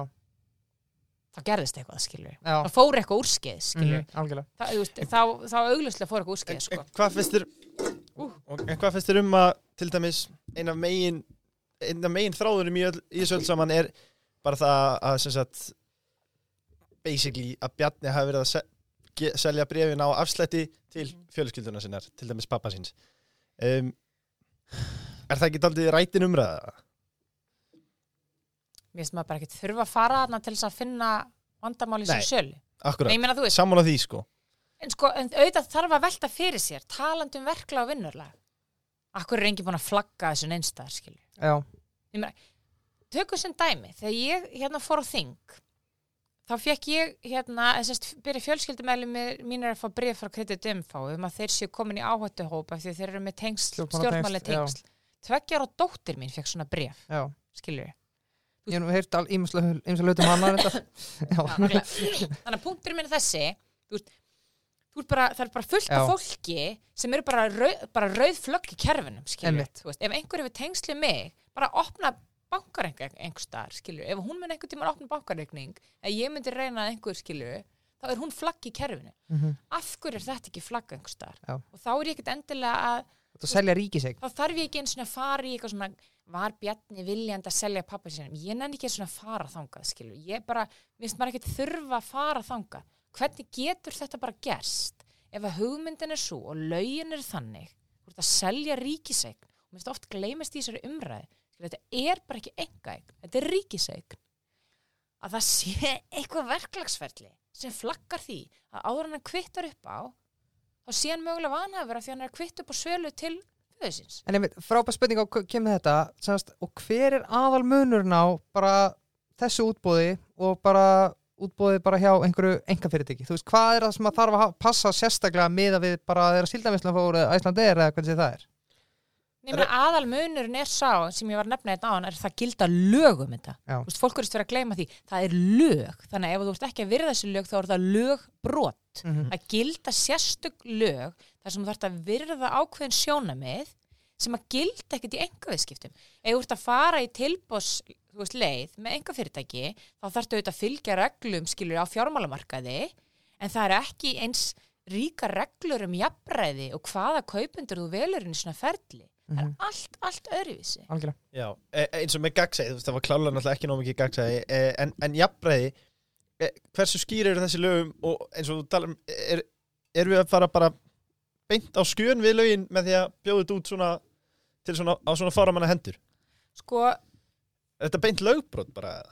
sko, ég, það, ég held að sé allan sterkar vísbendingar um að sé lögbrot. Hvað kom fram í dag hérna, ég, frá, afsaki, frá fjármárráðundinu Já, það var eitthvað varandi útbúð á, á samningum, okkur svo leis. Ok, En sko, ég meina við getum til dæmis tekið það. Já, þar kom ekki, fram að- Ekki það sérstakar case, en, en til dæmis svo staðir, því vorum að tala um jafnræð og aðgengi, Mhm. að hérna, þú varst að vera í viðskiptum við einn einn af þessum fimm söluráðgjöfum til þess að geta, bara bókstala geta sett inn tilbúð vegna þess að veist, þetta gerist svo hratt, það er bara tilkynnt umutæklingan bara 16-11 um, á meðgutegi eða þriðdegi leis og glugginn er bara mjög þröngur og þú hefur ekki tíma til að setja þið upp í viðskiptum einhver annar staðar. Mhm. Þannig að þú ert að fara ekki um ferli og það er bara flókið, það þarf að votta þig og alls konar og hérna það þýðir að þessir fimm aðlar sem voru valdið sem sölurækjafar þeir höfðu bara rosalega mikið vald en það var verið að kaupa síðan á þeirra kúnalista ef að það hefði verið farin svo leið og hefði, þau skilir verið sett af fjármálar á þeirra til að tryggja að sala nyrði þú veist, eh, hvað ég segja tröstinsverð, að Já. fólk upplifði eins og það væri kannski minna fúsk að þú hefði bara leift stopnana fjárfestum að þú hefði bara leift að, þú veist, lífyrirsjóðan, tryggingafjölum stórum hlutabrjöfsjóðum og svo leiðis svona, svona aðilar þeir eru svo stórir, þeir eru settur upp í viðskiptum hjá öllum Já. skilur, þannig að það hefði eiginlega ekki skipt máli þó að það hefði mögulega bara verið með tvö sölurraðgjafa, Já. ef þau hefði bara verið með landsbankana eða eitthvað, þá hefði þeir bara allir geta komist að. Mhm. Um leið úr farin að hleypa bara þú veist, alls konar hæfum fjárfestum af, þá fyrir að skipta máli hvort þú ert í viðskiptum við Fossa eða Arjónbanka eða Artika og Mhm. þá fer jafnræðið að kikka inn. Algjörlega. Og þetta eru svona hlutir sem að sko Pétur út í bæju ekkert að vita Nei, en fjármálar á þeirra og ráðgjafi fjármálar á þeirra ætti á einhverju tímpúnt að flagga bara, herðu Bjarni það er komin 200 nöfnina uh, getur verið að við séum með bara alls konar aðleitna getur verið að þarna sé hvernig við völdum sem söluráðgjafar að hafa áhrif á aðgengi og mögulega er það jafnræði broti og það hljómar kannski í svona umræðum á, þú veist, kaffistofun eitthvað svona eins og, ég er það ekki um mikið vesen? Nei, það er ekki vesen, þú ert að selja ríkisæk skilur, það gildar lög. Þú ert með týráðgjafa þú átt bara að vera með eitthvað í vinnu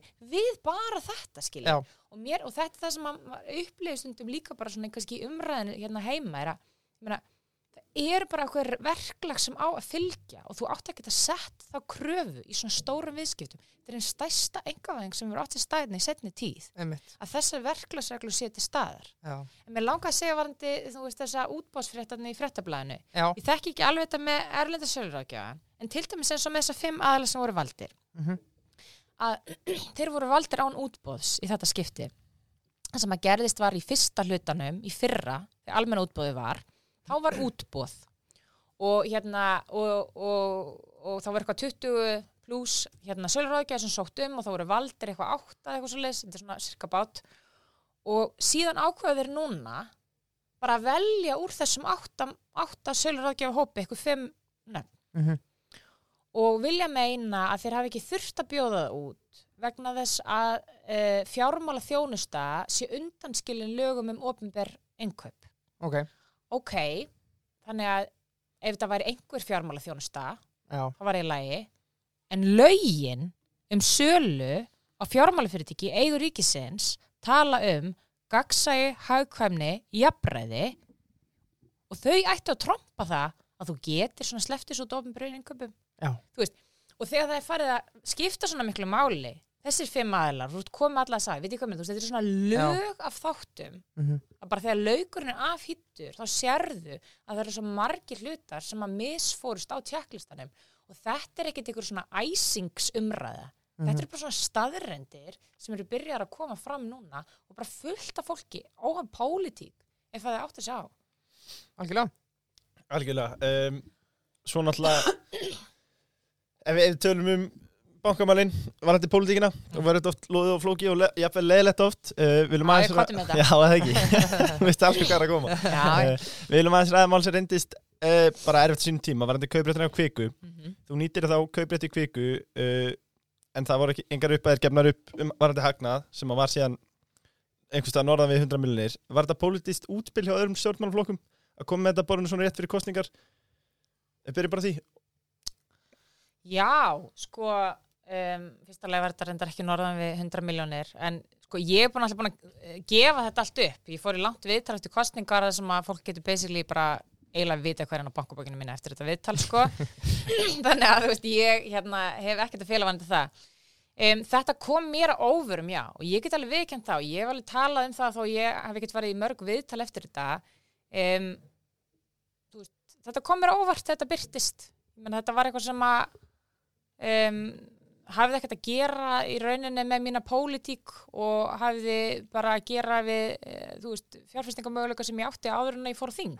Mhm, en auðvitað, eh, þú veist það er ekki þess að spyrja með þessa spurninga. Ég meina, auðvitað var þetta gert bara þess að koma að höggja á mig. Og þetta er svona klassist líka svona eitthvað Kristrún er í flokki sem er vinstra með við miðju og allir sem eru þar hata spyrja og hata græðki og hér kemur einn manneska sem hefur einhvern tíma verið á góðum launum og grætt einhvern pening og þá ætlum við. að auglýsa það og skammast þig og þú veist, hvað getur maður sagt? Ég menna bara, segja það sem ég vil segja og ég menna, þú veist, koma út með það mér fannst þetta óþægilt fyrst, ég skal alveg viðkenna það, en ég líka fann mig þeirri stöðu og ég hef alveg verið of með það að ég kom rosalega hratt inn í pólitík. Ég var, fekk mjög mikla aðtegli mjög, mjög hratt. Mhm, um, ég held að sé ekki margir sem eru þú veist svona first timerar í frambóði sem að eru komnir á þann stað að það þarf einhvern veginn að höggva það niður í kostningabartu Nei, Skil ég. það eru ákveðir hóstið þín sko. Menn það er það, er það sko, Já. það er hinleins að horfa á það. Og hérna, og það er auðvitað bara reynsla, skilju þú verður svona teflon húðari með tímanum og veist, ég skammast mér ekki til þess að viðkynna það, bara veist, mér bara brá Mhm, skilju, þetta var líka þannig eins og ég, þú veist, talaði um hann í þessu silfu viðtali að veist, þegar það byrja að tala um þetta þá er auglust að þetta er byggt á innari upplýsingum það er bara einhverja leka þessum upplýsingum, það voru, voru ekki opinberar upplýsingar. Nei, og ég bara, þú veist, fyrir mér var þetta bara eitthvað, ég var að vinna í þessum banka veist, þetta er bara minn fyrirhundi vinnustadur, já. Þetta er að koma einhver starf innanfrá, mhm, það var líka bara svona persónlegt fyrir mig. Já, svo bara, þú veist, þú lendir í þessu einu sinni rýfur upp á reimunum og bara whatever, sko. En kom ekki setna að ljósa þarna, þú fjárfyrsti bara einfallega þínu sparnaði brefi kviku eða var þetta allt kaupréttur? Nei, þetta var ekki, þetta, sko fólk er náttúrulega kannski ekki uh, alltaf að gera greina mun á fjármála afurðum, en ég menn þetta voru áskriftaréttindi samt. Já, já, ég borgaði fyrir þetta Já. á sín tíma. Um, já og setti bara minn prívat kost, nei, pening í þetta. Mhm, en auðvitað þannig að af því að þetta er þú kaupir þinn í áskriftaréttindi en það er náttúrulega bara gýrun í þessu sem Já, bara eins og er í kaupréttum og sem að þú veist þetta er bara mjög mikill áttugjörningur þú Mhm. annarkvort tapar öllu já, eða getur grætt. Algjörða. og ég auðvitað bara stend frammi fyrir því sko að því ég kem inn í fyrirtæki 2017, lokast 2017 það er 80 manns að vinna þarna. Fyrirtæki er ekki eins og koma First North sko. Já. þegar ég hætti það er bú, búið að fara á First North það er búið að skrá sig á hérna í kaupillina, stóru kaupillina og búið að samanist TM og það er 300 manns að vinna þarna skilju, og í millitíðinni erum við búin að ganga gegn COVID þessar vakstahekkanir sem ég sjálf var bara eitthvað súper ósatt við, búin að pumpa upp allt þannig að þetta er þetta bara allt annað veruleiki Algjörlega. Fannst þér þetta, svona, ef við horfum núna í baksínu speilin, uh, þetta var bara einhver óttalega leðjuslagur, finnst, finnst þér þetta, heldur að samfó hefði verið með, það hefði próstitölu ef að þetta ekki komið upp? ég veit ekki, ég fekk nú einhvern tímann þessa spurningu sko sko, ef að það er ef að ég hafði það mikil áhrif að fylgið að það var að fara niður út af mér. Já. Þá fara að, það líka upp út af mér já, já, og en, þá segi ég bara, fá, verið fólk að taka nettótöluna sko. En náttúrulega maðurinn sem er eiginlega, sam, maður, sorry, maður, maður sem er eiginlega samanlegaður inn öllu, Brynja Níelsson, hann var einn um daginn. Og þarna- hann sagði sko, Íslendingar hata ekkert meira en fólk sem gengur vel. Og þarna, þú veist, þá hugsa maður kannski einhver sem var þýlíka stuðnismæður þinn bara, hugsa bara, já, hún að græða svona mikið pening, hún er bara út rása vikingur, skilur, Já. þú veist, það er fullt af fólk sem hata fólk sem var pening, sko. Já, sko, já, ég meina í fyrsta lagi á pening og ekki pening, sko, ég meina þráttur að ég hef verið að vinna pening, í fjármálageranum get ég alveg sagt það og ég hugsi ég hef sagt það eitthvað strandstæðar að þetta er kannski að eina sem að ég hef einhvern tíma grætt á, sko en þetta er ekkert heldur bara því ég er einhver snillingur, skilju. Þetta er bara eins og kapitalismin virkar við það já, já, að þú ert bara, í þessu tilviki þá var ég bara heppin, skilur veist, ég setti pening á eitthvað bara tók, tók mikla áhættu fyrir ákveðina uppæð já, og það bara var rosalega mikil ávöxtun af því. Og ég skil alveg. Mhm, ég skil að því ég er ekki fyrst að fólki finnist það ósangja já, það er ósangja, skilur ég, bara, ég hafði ekki svona mikið fyrir þessu.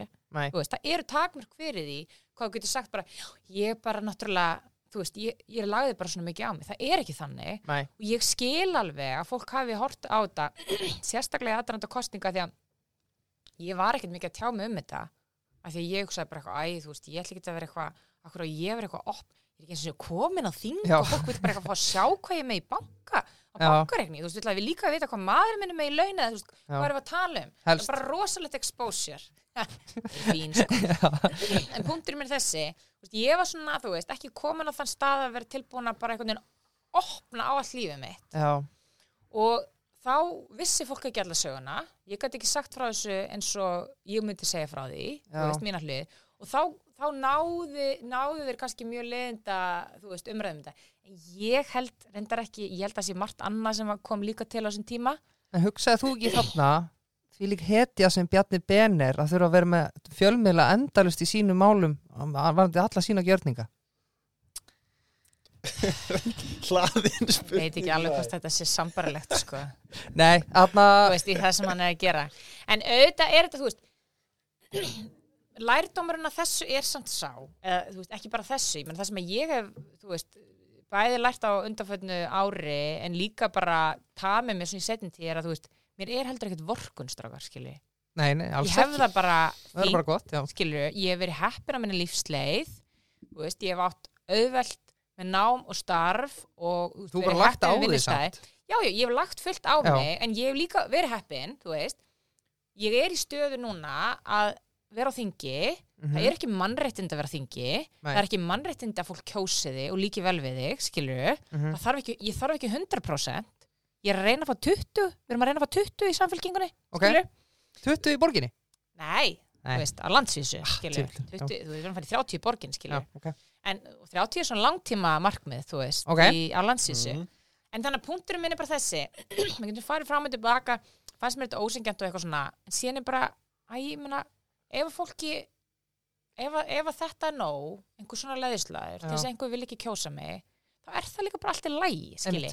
Ef að þér finnst þetta, það, skipta það miklu máli að allt sem ég geri og segi og hvernig ég haga mér og person sem ég er að þetta bara hvernig afskrifi það þá verð ég bara að virða það skilji, ég á það ekki hjá kjósendum. Að þið verða að kjósa þig. að ég verða að kjósa mig um, en þetta er bara, fólk verður þetta bara að vera beita sinni einn domgrind, hvað finnst þetta en auðvitað er þetta fyndið skilju við erum að tala um í dag að hérna, veist, svo er verið að beita þessu eitthvað í Íslandsbankamálun eitthvað Já, já. kauprettar konan Kristrún hún má nú ekki vera Kaupréttarkonan. gaggrina Íslandsbanka verðin svo hún fekk einhvern tíman peninga já, já. þú veist ég meina, þetta er náttúrulega bara gjössanlega gali og til marg sem hvað, þú veist, fólk er í miklu þróti Já. í þessari Íslandsbanka umræði að það geti ekki það ekki bara mætt og svara gaggrinn sem kemur upp heldur eitthvað svona, býtum nú fyrir ekki mátt þú eitthvað vera að tala um þetta vegna þess Áttu þú eitthvað að tala um peninga? einhvern tíma fjárfest og grætt eitthvað Skil, þetta er Mm. náttúrulega fáranlegt point of view en ég meina, fólk, sömu vilja vera það Já, og svona er bara pólitíkin eins og á Íslandi. Það er já, já, ég meina, mér er ekkert vorkun við það það er bara eins og það er, skilji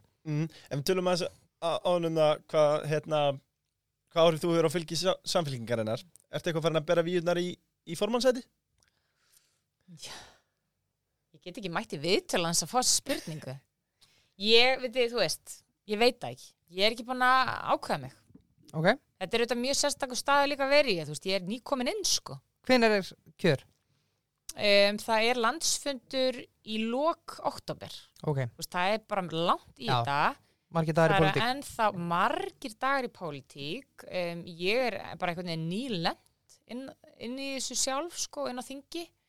Um, þannig að ég bara ég veit það ekki ég, þetta muni alveg bara komið ljósur síð sumars eða eitthvað svo leis hvað, hvað er að gerast, ég menna formaðurinn okkar hefur heldur ekkit sagt til um hvað hann ætla að Já. gera um, við erum ennþá með sveitstundakostningar þannig að sjáum bara til sko. Algjörlega. Þarna, við erum, við erum búin að vera alltaf, við erum, alltaf, erum alltaf að ljúa að gestunum okkar hvað eru lengi.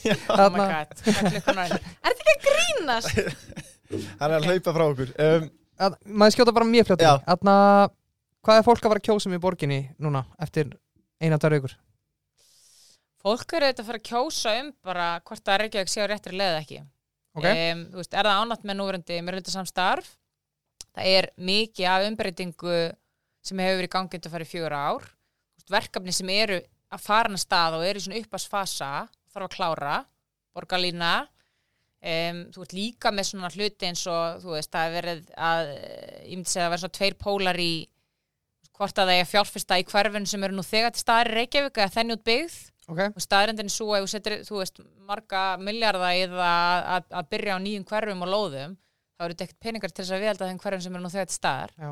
Þannig að það er líka svona svolítið kontrastættandir sem eru til staðar og samfélkingin vil fara í að þú veist, að hérna viðhalda þeim hverfum sem við nú þegar eru með í staðan fyrir að fara í þenslu á byggð. Mm Og síðan auðvitað bara halda áfram að vera með jafnaðamenn stjórn í borginni, ég meina, dagur er náttúrulega bara kongurinn, sko. Hann er nefnilega, það má maður segja Martin Dag, hann er því miður kongurinn. Hann er kongurinn, Já, hann er kongurinn. talaðu að bjatti stjórn öllu, dagur á þessa borg, sko. Er. Hann er náttúrulega líka bara úsla flottur sko. Já. Er Kjósið svona- samfélkinguna 14. mæ. Kristján, hver er uppáhalds pizza hérna á Dominos? Ú, á Dominos, Legendary, Já, Já. hún er góð, hún er mjög góð. Mm. Um, þunnbotna. Þunnbólla, ok. Uh, ég ætla bara að vinda mér í spurningarnar frá reyndurinnum og það er í búið smitten. Núna er þetta mjög stuttar Býtu, er eitthvað eftir? Já, ok, Já, já. núna er spurningar. Núna byrja spurningarnar. uh, en það eru öllu stittri, sko. Þetta er ekki jafn mikil umræða. Já, já, ok. Þetta er já og nei, Mm. Ok, ok. Já, nánast. smitten vil hafa þetta beinskitt en áhrifaríkt. Þú veist að tala um að vilt fá gull áskrift frá þeim? Já, ég er mikið að, já, ég er að fylgja því eftir núna, senda posta, posta, posta. Um, besta fjárfestingin á ferðlunum, spyr Birgir Öð. Búin að svara það kannski? Ég held ég sé búin að svara því. Ég held að fólk geti alveg, þú veist, sett tvo og tvo saman í því, sko. Uh, uppvörðli í enska, spyr Unaball. Enska boltanum. Mm. Sko, ég horfi ekki boltan. Nei. En ég bjó í Manchester sem bat. Ok. Ok. Og ég fór einsunni í batnaamöðuleg á Old Trafford. Mm. Þannig að, þú veist, ég ætla bara að segja, ég veit að það er hallarinslegt að tala um Man United núna, en Já, það er ekki orðið eitthvað svona gamaldags, Jú, ekki cool. Jú, það er kallt. Já, við getum vorað þannig að við vonum að samfélkingunni gangi betur enn í já, United. einmitt. En býtu fyrir ekki á maður að velja lið út af því hvernig þeim er að ganga. Á maður ekki að vera bara, þú veist, eins og Nei. lýtsarinnir, þú veist, þú ert bara, herðu, Maður bara að velja bara Chelsea. stendur og með standa. Já, Hárrétt ok, hjá ok, Þetta er bara persónulegt frá okkur, sko. ok. Uh, mm, finnst þér að eiga sér einhverja stóði í raunveruleikunum að ríkið eða byggja lest til Akureyrar? Ég veit það ekki. Það væri geðvegt. Það væri ekki Það er ógeðslega næs að vera lest. Það er ömurlegt að vera í bíl. Já, um, ég, mér finnst það með alveg skoða sko. en ég bara, ég, ég hef ekki hugmynd. Nei, einmitt. Það er bara hreinskilna svarið. Já, ég væri til að sjá það, ég elska lestir. Já, ég meina, við eigum að vera með lesti keflaug til þess, já, ég samla því. Þú veist. Sko já, ég voni sé ekki að tala gegn einhverjum Nei, sem er í þú mínum er nefnilega. með vilirði eitthvað. Það var einn í dag Að- ég þekki bara ekki fyrir bakgrunni að í því. Mingi Já, þarna, ein Já. þarna, stutt frá mér þarna, hvað mikið að tilögum samfélkingarinnar eigur ríkisútgjöld og hvað mikið er hagræðingar ríkisútgjöld? Veitu, hva, Ef þú myndir hvað koma með- tilögum? segjum bara til dæmis bara við tökum bara borginu sér dæmi eða landsvísu. Er ekki lang flestar tilögu samfélkingar þannig að það sé verið að að auka ríkisútgjöld það ferast í hvað bara tímalinnan er ok ég meina, við erum að borga óhemju kostnað mm í nýgengi örorku við erum að borga óhemju kostnað því að þú veist, að hæsta hérna um, hlutfall örorku með hvenna upp á 50 venast að það eru bara örmagna -hmm. skilur fólk í umönarstörfum sem eru á lágun launum, eru að sjá um fóreldra sína, þú veist, eru að detta út af vinnumarkaði 15-20 árum fyrir en þau þurft að gera það. Mhm. Halló, það eru bara skattekjur. Eins í helbriðstjónustu að vera að borga alls konar auka kostnað við að fólk er að missa heilsu sinni í vinnunni eða stressa eitthvað. Sko. Þannig að það er sumir hlutir sem þú þarft að hugsa um sem fjárfestingu, uppásfjárfestingu, þess að koma ykkur upp á nýjan stað ég held já að eftir ástandi sem við gengum í gegnum eftir hrun þar sem að skori við að niður þá þarf að leipa upp kostnaði í smá tíma ok til þess að við komumst út úr þessu ástandi Mhm. Ég held að það sé bara ekki raunhæft að vinna upp svona ofbúslega mikið fall við það án þess að það kosti til skamstíma Mhm. en það mun gera það að verkum að það verður ódýrar að reka ríkið af því að annars bara vindur þetta upp á sig endalist sko. Mm. uh, Hérna er spurning sem ég beint frá styrtaræðala ónefndum Viltu hækka skatta? Eins og hvaða? hmm. jú ég held að vilja ekkit ónefndum. Eh, ok. Herma Guðmundsson eigandi kemi. Já, sko, ég myndi, það þarf klárlega að gera breyting, ég meðan það þarf bara að gera breyting á skattakerfinu. Ég meðan nú er endur ríkistofnir að tala um það vegna þess að við erum að horfa upp á það að það er bara breytast samsetningin, skilur, vinnuafli hlutalslega að fækka, þannig að við fáum minn út úr launatekjum við fengum áður, skilur. Þannig að við þurfum að taka ákvörðunum, erum við að fara að hækka næslu skatta, erum við að fara í eignaskatta eða þess það er. útgerinn Já, en það er ekki skattlegning. Nei ok en þú veist það mætti alveg Já, auka ég á- meina, og- bara klárt, Já. ertu ekki að grínast, Já. en það er ekki skattlegning, það er bara notkunagjald fyrir auðlutinu okkar. já það er þetta rétt og það er Em, einmitt miskilíku sem á sig áttstað sko. Já, ég meina það er renta, þannig að það, það klárlega má auka hérna, sækja meiri penningar sækja meiri, meiri peningi veigjald, en það þarf alveg að skoða, þú veist, skatta á eignir og fjármagn til lengri tíma Mhm. Og það þarf ekkert að vera eitthvað þannig að það, það verði fjármagsflótti frá Íslandi. en er ekki hátekjuskattur í Íslandi núna meina, er, ef þú ert með 5 miljonar mánu ertu ekki að borga 50% skatt eða eitthvað það er samt lægri skattar hérna heilt yfir en á Norrlöndunum. Það er bara þannig. en ég satt ekki alveg mikið að borga Skattreppin eru þannig. eina hverjum tveimu krónum sem þú vinnur inn fyrir í Já, skatt Er ekki 48.5 Jú, en ég Já. meina, þú veist, heldur líka í því hvað þú ert að fá út úr kerfunum okkar, skilju. Þegar ég bjó í bandaríkinum og fólki sem var að vinna með mér, þú veist, það, gætt verið á 200-400 dollarum á ári, en það var frík út af því að það var að borga, skilju, þú veist, leikskóla, grunnskóla, helbriðsjónust, allt þetta. Ég meina, við erum líka að já. reka, bara að risa velferðarkerfið þarna, þú veist. Ég er ekki að segja að þú getur endalust hækka skatta, Nei, nei. en ég meina það eru ákveðin hluti sem er hægt að hækka ég er sem ekki á því að vera eitthvað að hækka skatta til að hækka skatta, en meina, mín pólitík og mín pólitíska því ég trú á samtryggingu Mhm. ég trú á því að fólk greiði inn í kerfi sem við fjárfæstum öll saman í og þú færið út úr því eftir bæð þörf og tímabili þínu. þú, þú ert á ákveðin tímabili þegar þú ert yngri, þegar þú ert eldri þú, veist, þú fæðist þennan mismunandi stað þannig ég er alveg órættu að tala um það ég vil ekki, þú veist, lækka skatta og draga þannig að þú getur okkur til þess að vera með þetta velferðarkerfi Mhm. um, en það þarf líka mun að það var enda einhvergerinn og fleira það er svo mikið talað um, þú veist, allar verðmætasköpununa Já. Sko, svo bara hafa það í huga þegar ríkisútgjöld jökust hvað mest svona yfir lengri tíma upp á 1960 það var þegar við ákvaðum að fjárfesta í helbreyðstjónustu, vel, almenni velferðarþjónustu mentakerran okkar og gerði konum klift að fara út á vinnumarkað, Mhm. skilju þetta jók atvinnuþáttöku Mhm. fjárfesting í þú veist, öldruna þjónustu og, og, og þjónustu fyrir börn gera verkum að vinnuaflið er virkara og þetta vinnuafl er að vinna á engamarkanum Mhm. þannig að þetta er fólk sem að, þú veist, er mín megin í pólitík, svona sósíaldemokratíska pólitík, það trúir bara á samvinnu, ríkis og einhvað gera hvað þetta varðar. Mhm. Þannig að skattlagningi þarf þetta að taka bara með því að við séum með fjármögnum að kerfum sem stiður við einhvað framtak, það sé bara heilbrygt fólk sem getur unnið þarna. algjörlega Ó, það er svo þetta já, mikið, nei spurning, sorry. svo mikið spurningir Nei, sem að ég vera að býja bara- Við betur erum bara tíma. stóra spurning. ég veit Já, það og það nei, ég er, var alls ekki á og það eru við sem var að segja sorry gott. sko. Já, já, ég ætlaði bara, Já. ég var bara miður minni við að það eru nokkur spurningar sem að ég geti rétt í allt kvöld, sko. Já, ok, við bara, þarf bara að koma aftur. Já, Já, ekki spurning. já, Eh, kemur bara alla þrið þetta Já, ég, ég, verð, ég verð hér alla þriðið Já, þetta. fram að kostningu eh, Já. En hvort er far- fagmannlegra, lífið í bankagerinu með alþingi? Fagmannlegra. Já, Þú veist, Hvað er það svona fagmar í fæinu fagmannlega? Þú Nei, þetta kemur frá manni sem er búin að vera í rekstri lengi. Uh, Meinar það svona professional? Já. professionalism. Já, Ah, erfið spurning. Mhm. Þú veist, að því að bankagerin á Íslandi og bankagerin í Bandaríkinum eða, eða þú veist, í Bretlandi er ekki það sama. nei.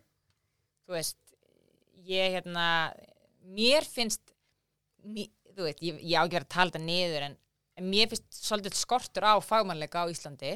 Fólk er svolítið mikið bara, Já, ekki bara alþingi, bara almennt já, Já, fólk bara mætir óundibúða fundi, þú veist, já er á löngum fundum, er rosa mikið að tjatta. Og undirbúni podcastarar Já, að ég menna, þú veist, sumir eru náttúrulega bara náttúrutala, Já. skilur, þurfa ekkert undirbúning. Vinna báðir í böngum tilvíðin, ég held ekki. Það er rosa mikið kultúr, Já, svona að, þú veist, að undirbúa sig ekki. skítarætingar Já, Já. rosa mikið þannig. Um, alþingi er bara rosalega skrítir vinnustæður. Uh, þú náttúrulega stýrir þér mjög mikið sjálfur. Ég myndi segja kosturinn við, ég myndi segja að þú getur verið með ákveðum fagmannleika á alþingi umfram kannski það sem var í bankakerfinu að að þú stýrir þér rosalega mikið sjálfur. Að þú getur verið bara eins professional aðna og þú vilt vera. Þetta er bara þannig, þú fer bara inn og þú ákveður bara hvað ætla ég að gera og standa fyrir og fókusa á og þú veist bara hvernig kem ég því til skila? Þess að það er enginn sem er eitthvað að tjekka á því hvernig þú ert í vinnunni sko. En það eru svo margir sem tala um það er svo auðvöld að vera í stjórnarnanstöðu þú, þú bara gaggrinni allt sem ríkistjórnin gerir og svo bara þarf ekki að bera neina ábyrða því þú getur alltaf bent á hina. Þarna, hvernig, veist, hvernig er líka bara að vera í stjórnarnanstöðu og kemur inn að vinnustað og þú veist að þú get, ég segi þetta það Nei, ekki getur ekki haft áhrif þar að segja sko, þú ert alltaf að treysta á vera, og við vitum alveg hvernig ríkistjórnin vinnur hún er aldrei að vera samþykja eitthvað mál frá þér. Nei Þú veist, ég velti þessu alveg fyrir mér á hann ég fór inn sko.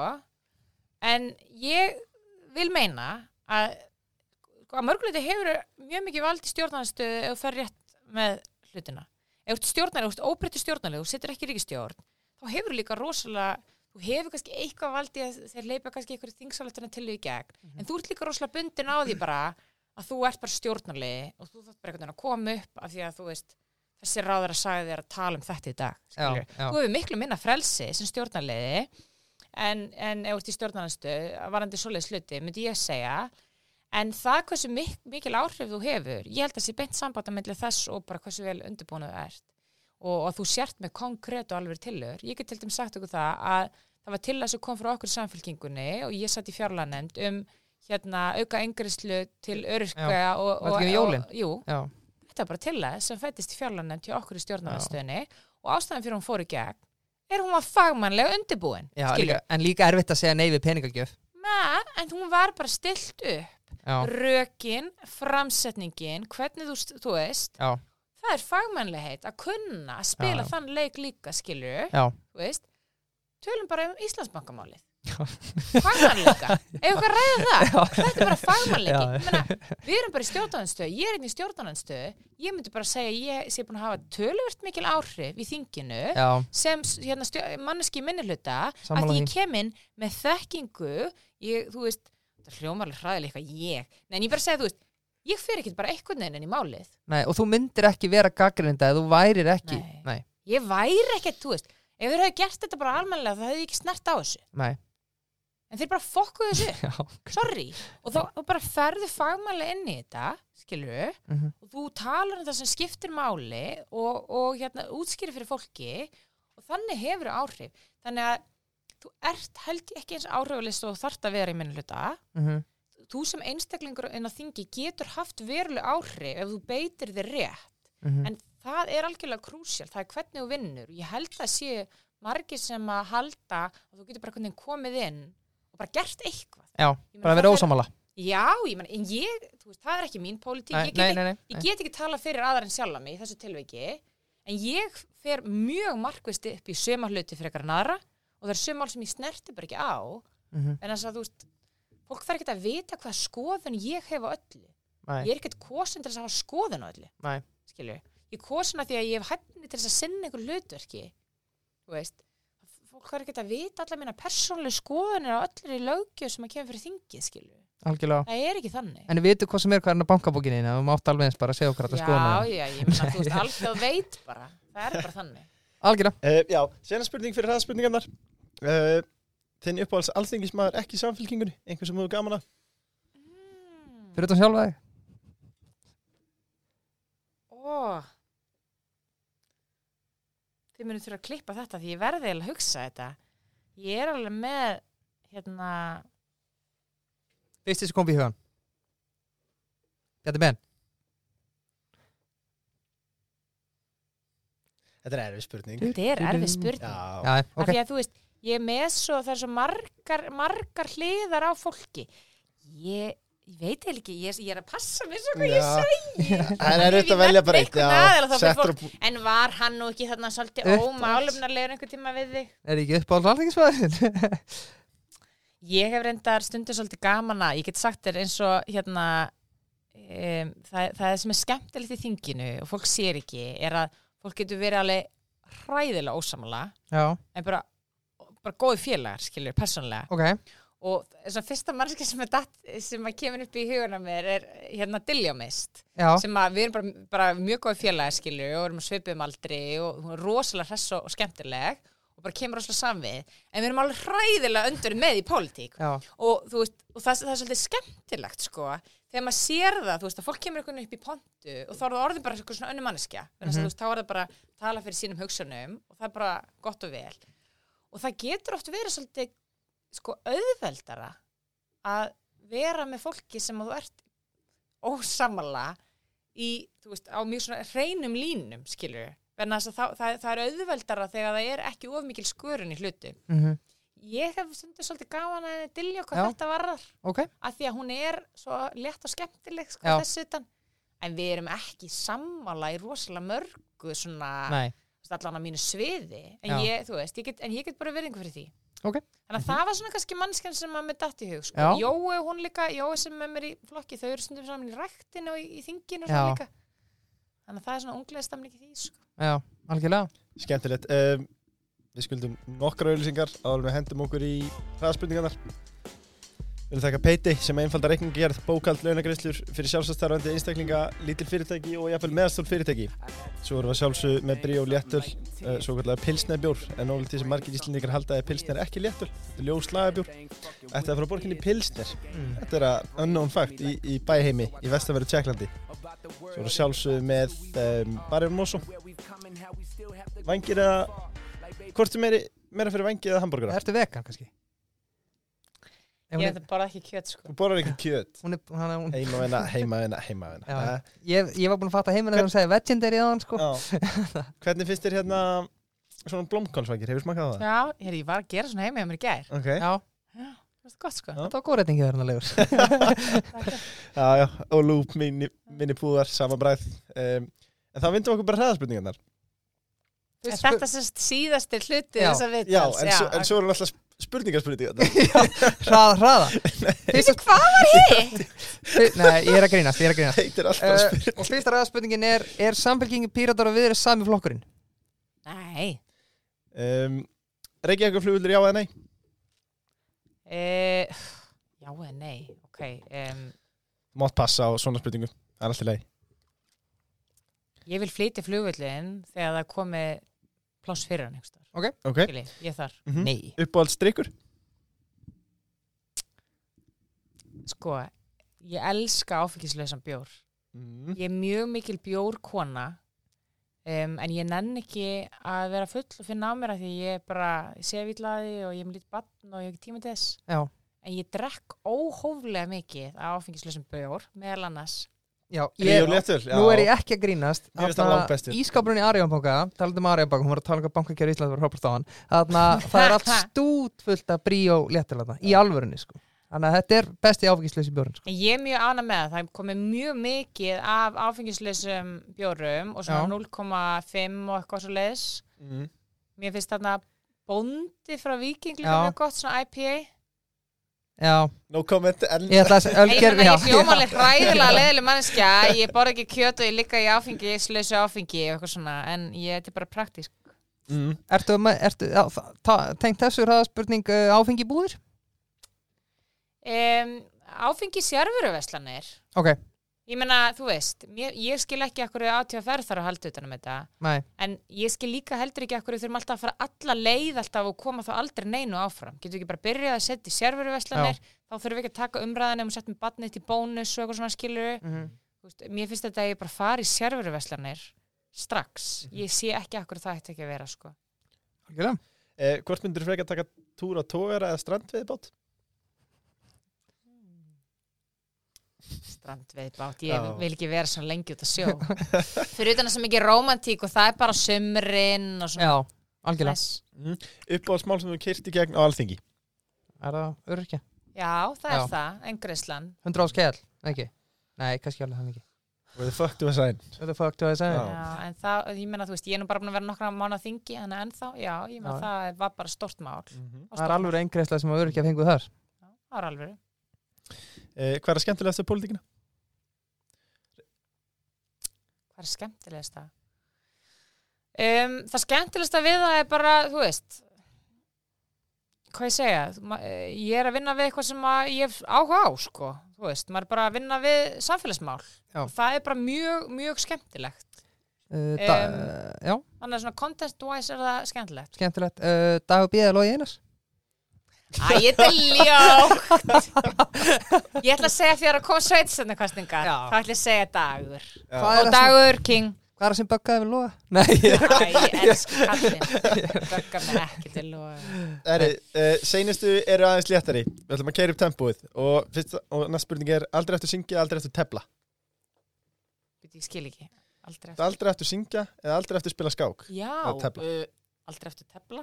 Úff, Elska að það? syngja. Ég veit ég er í röngu þætti En ég er sko karaoke queen. Ok. það? Elska Ok, karaoke næsta Hvað tekur þetta karaoke? Ég myndi taka Sko, ég tek stundum Torn með Natalie Imbruglia. Munið eftir þessu lagi? Örglega er ég Já, já, það þetta er en- geggjalag En svo náttúrulega tek ég mjög oft I Will Survive með Gloria Gaynor. Ok. okay. maður, Það er bara karaoke lagi Settu það fónin og hún syngur það núna. Meina, ég gæti gert það Ok. Það var ekki eðvitt uh, Kaffi að síkó Kaffi. Um, Ég vegan í drekkvallega en ég reiki þetta aldrei mikið Reiki einn pakk á dag. Uh, Salem. Uppáðar sljómsveit uppáhalds hljómsveit. Má ég segja bara tónlistamann eða eitthvað? Já, ég elska Taylor Swift. Ok. Ok, ok. Uh, Uppáðars listamæður Þá ekki sagt. listamaður bara einhver listamaður. Já. Páll Haukur Björnsson. Já, hann Ok. er mjög skemmtilegur. Mm. um, Skemmtilegasta minning utan pólitíkur Þetta er senasta hraðaspurning. Er er þetta ekki senast spurninga? Nei, þetta er næst senasta spurning. Vá, skemmtilegsta minning utan pólitíkur bara í lífinu mínu Já. eða? Það er ógæðislega erfitt sko, Já, og hraða spurning Já, Æ, samt ekkert erfitt skilur Klassíst er að Já, barnið fættist já, þú veist, Já. þegar dóttir mér fættist það er bara frekar eðvelt sko. Líka, já.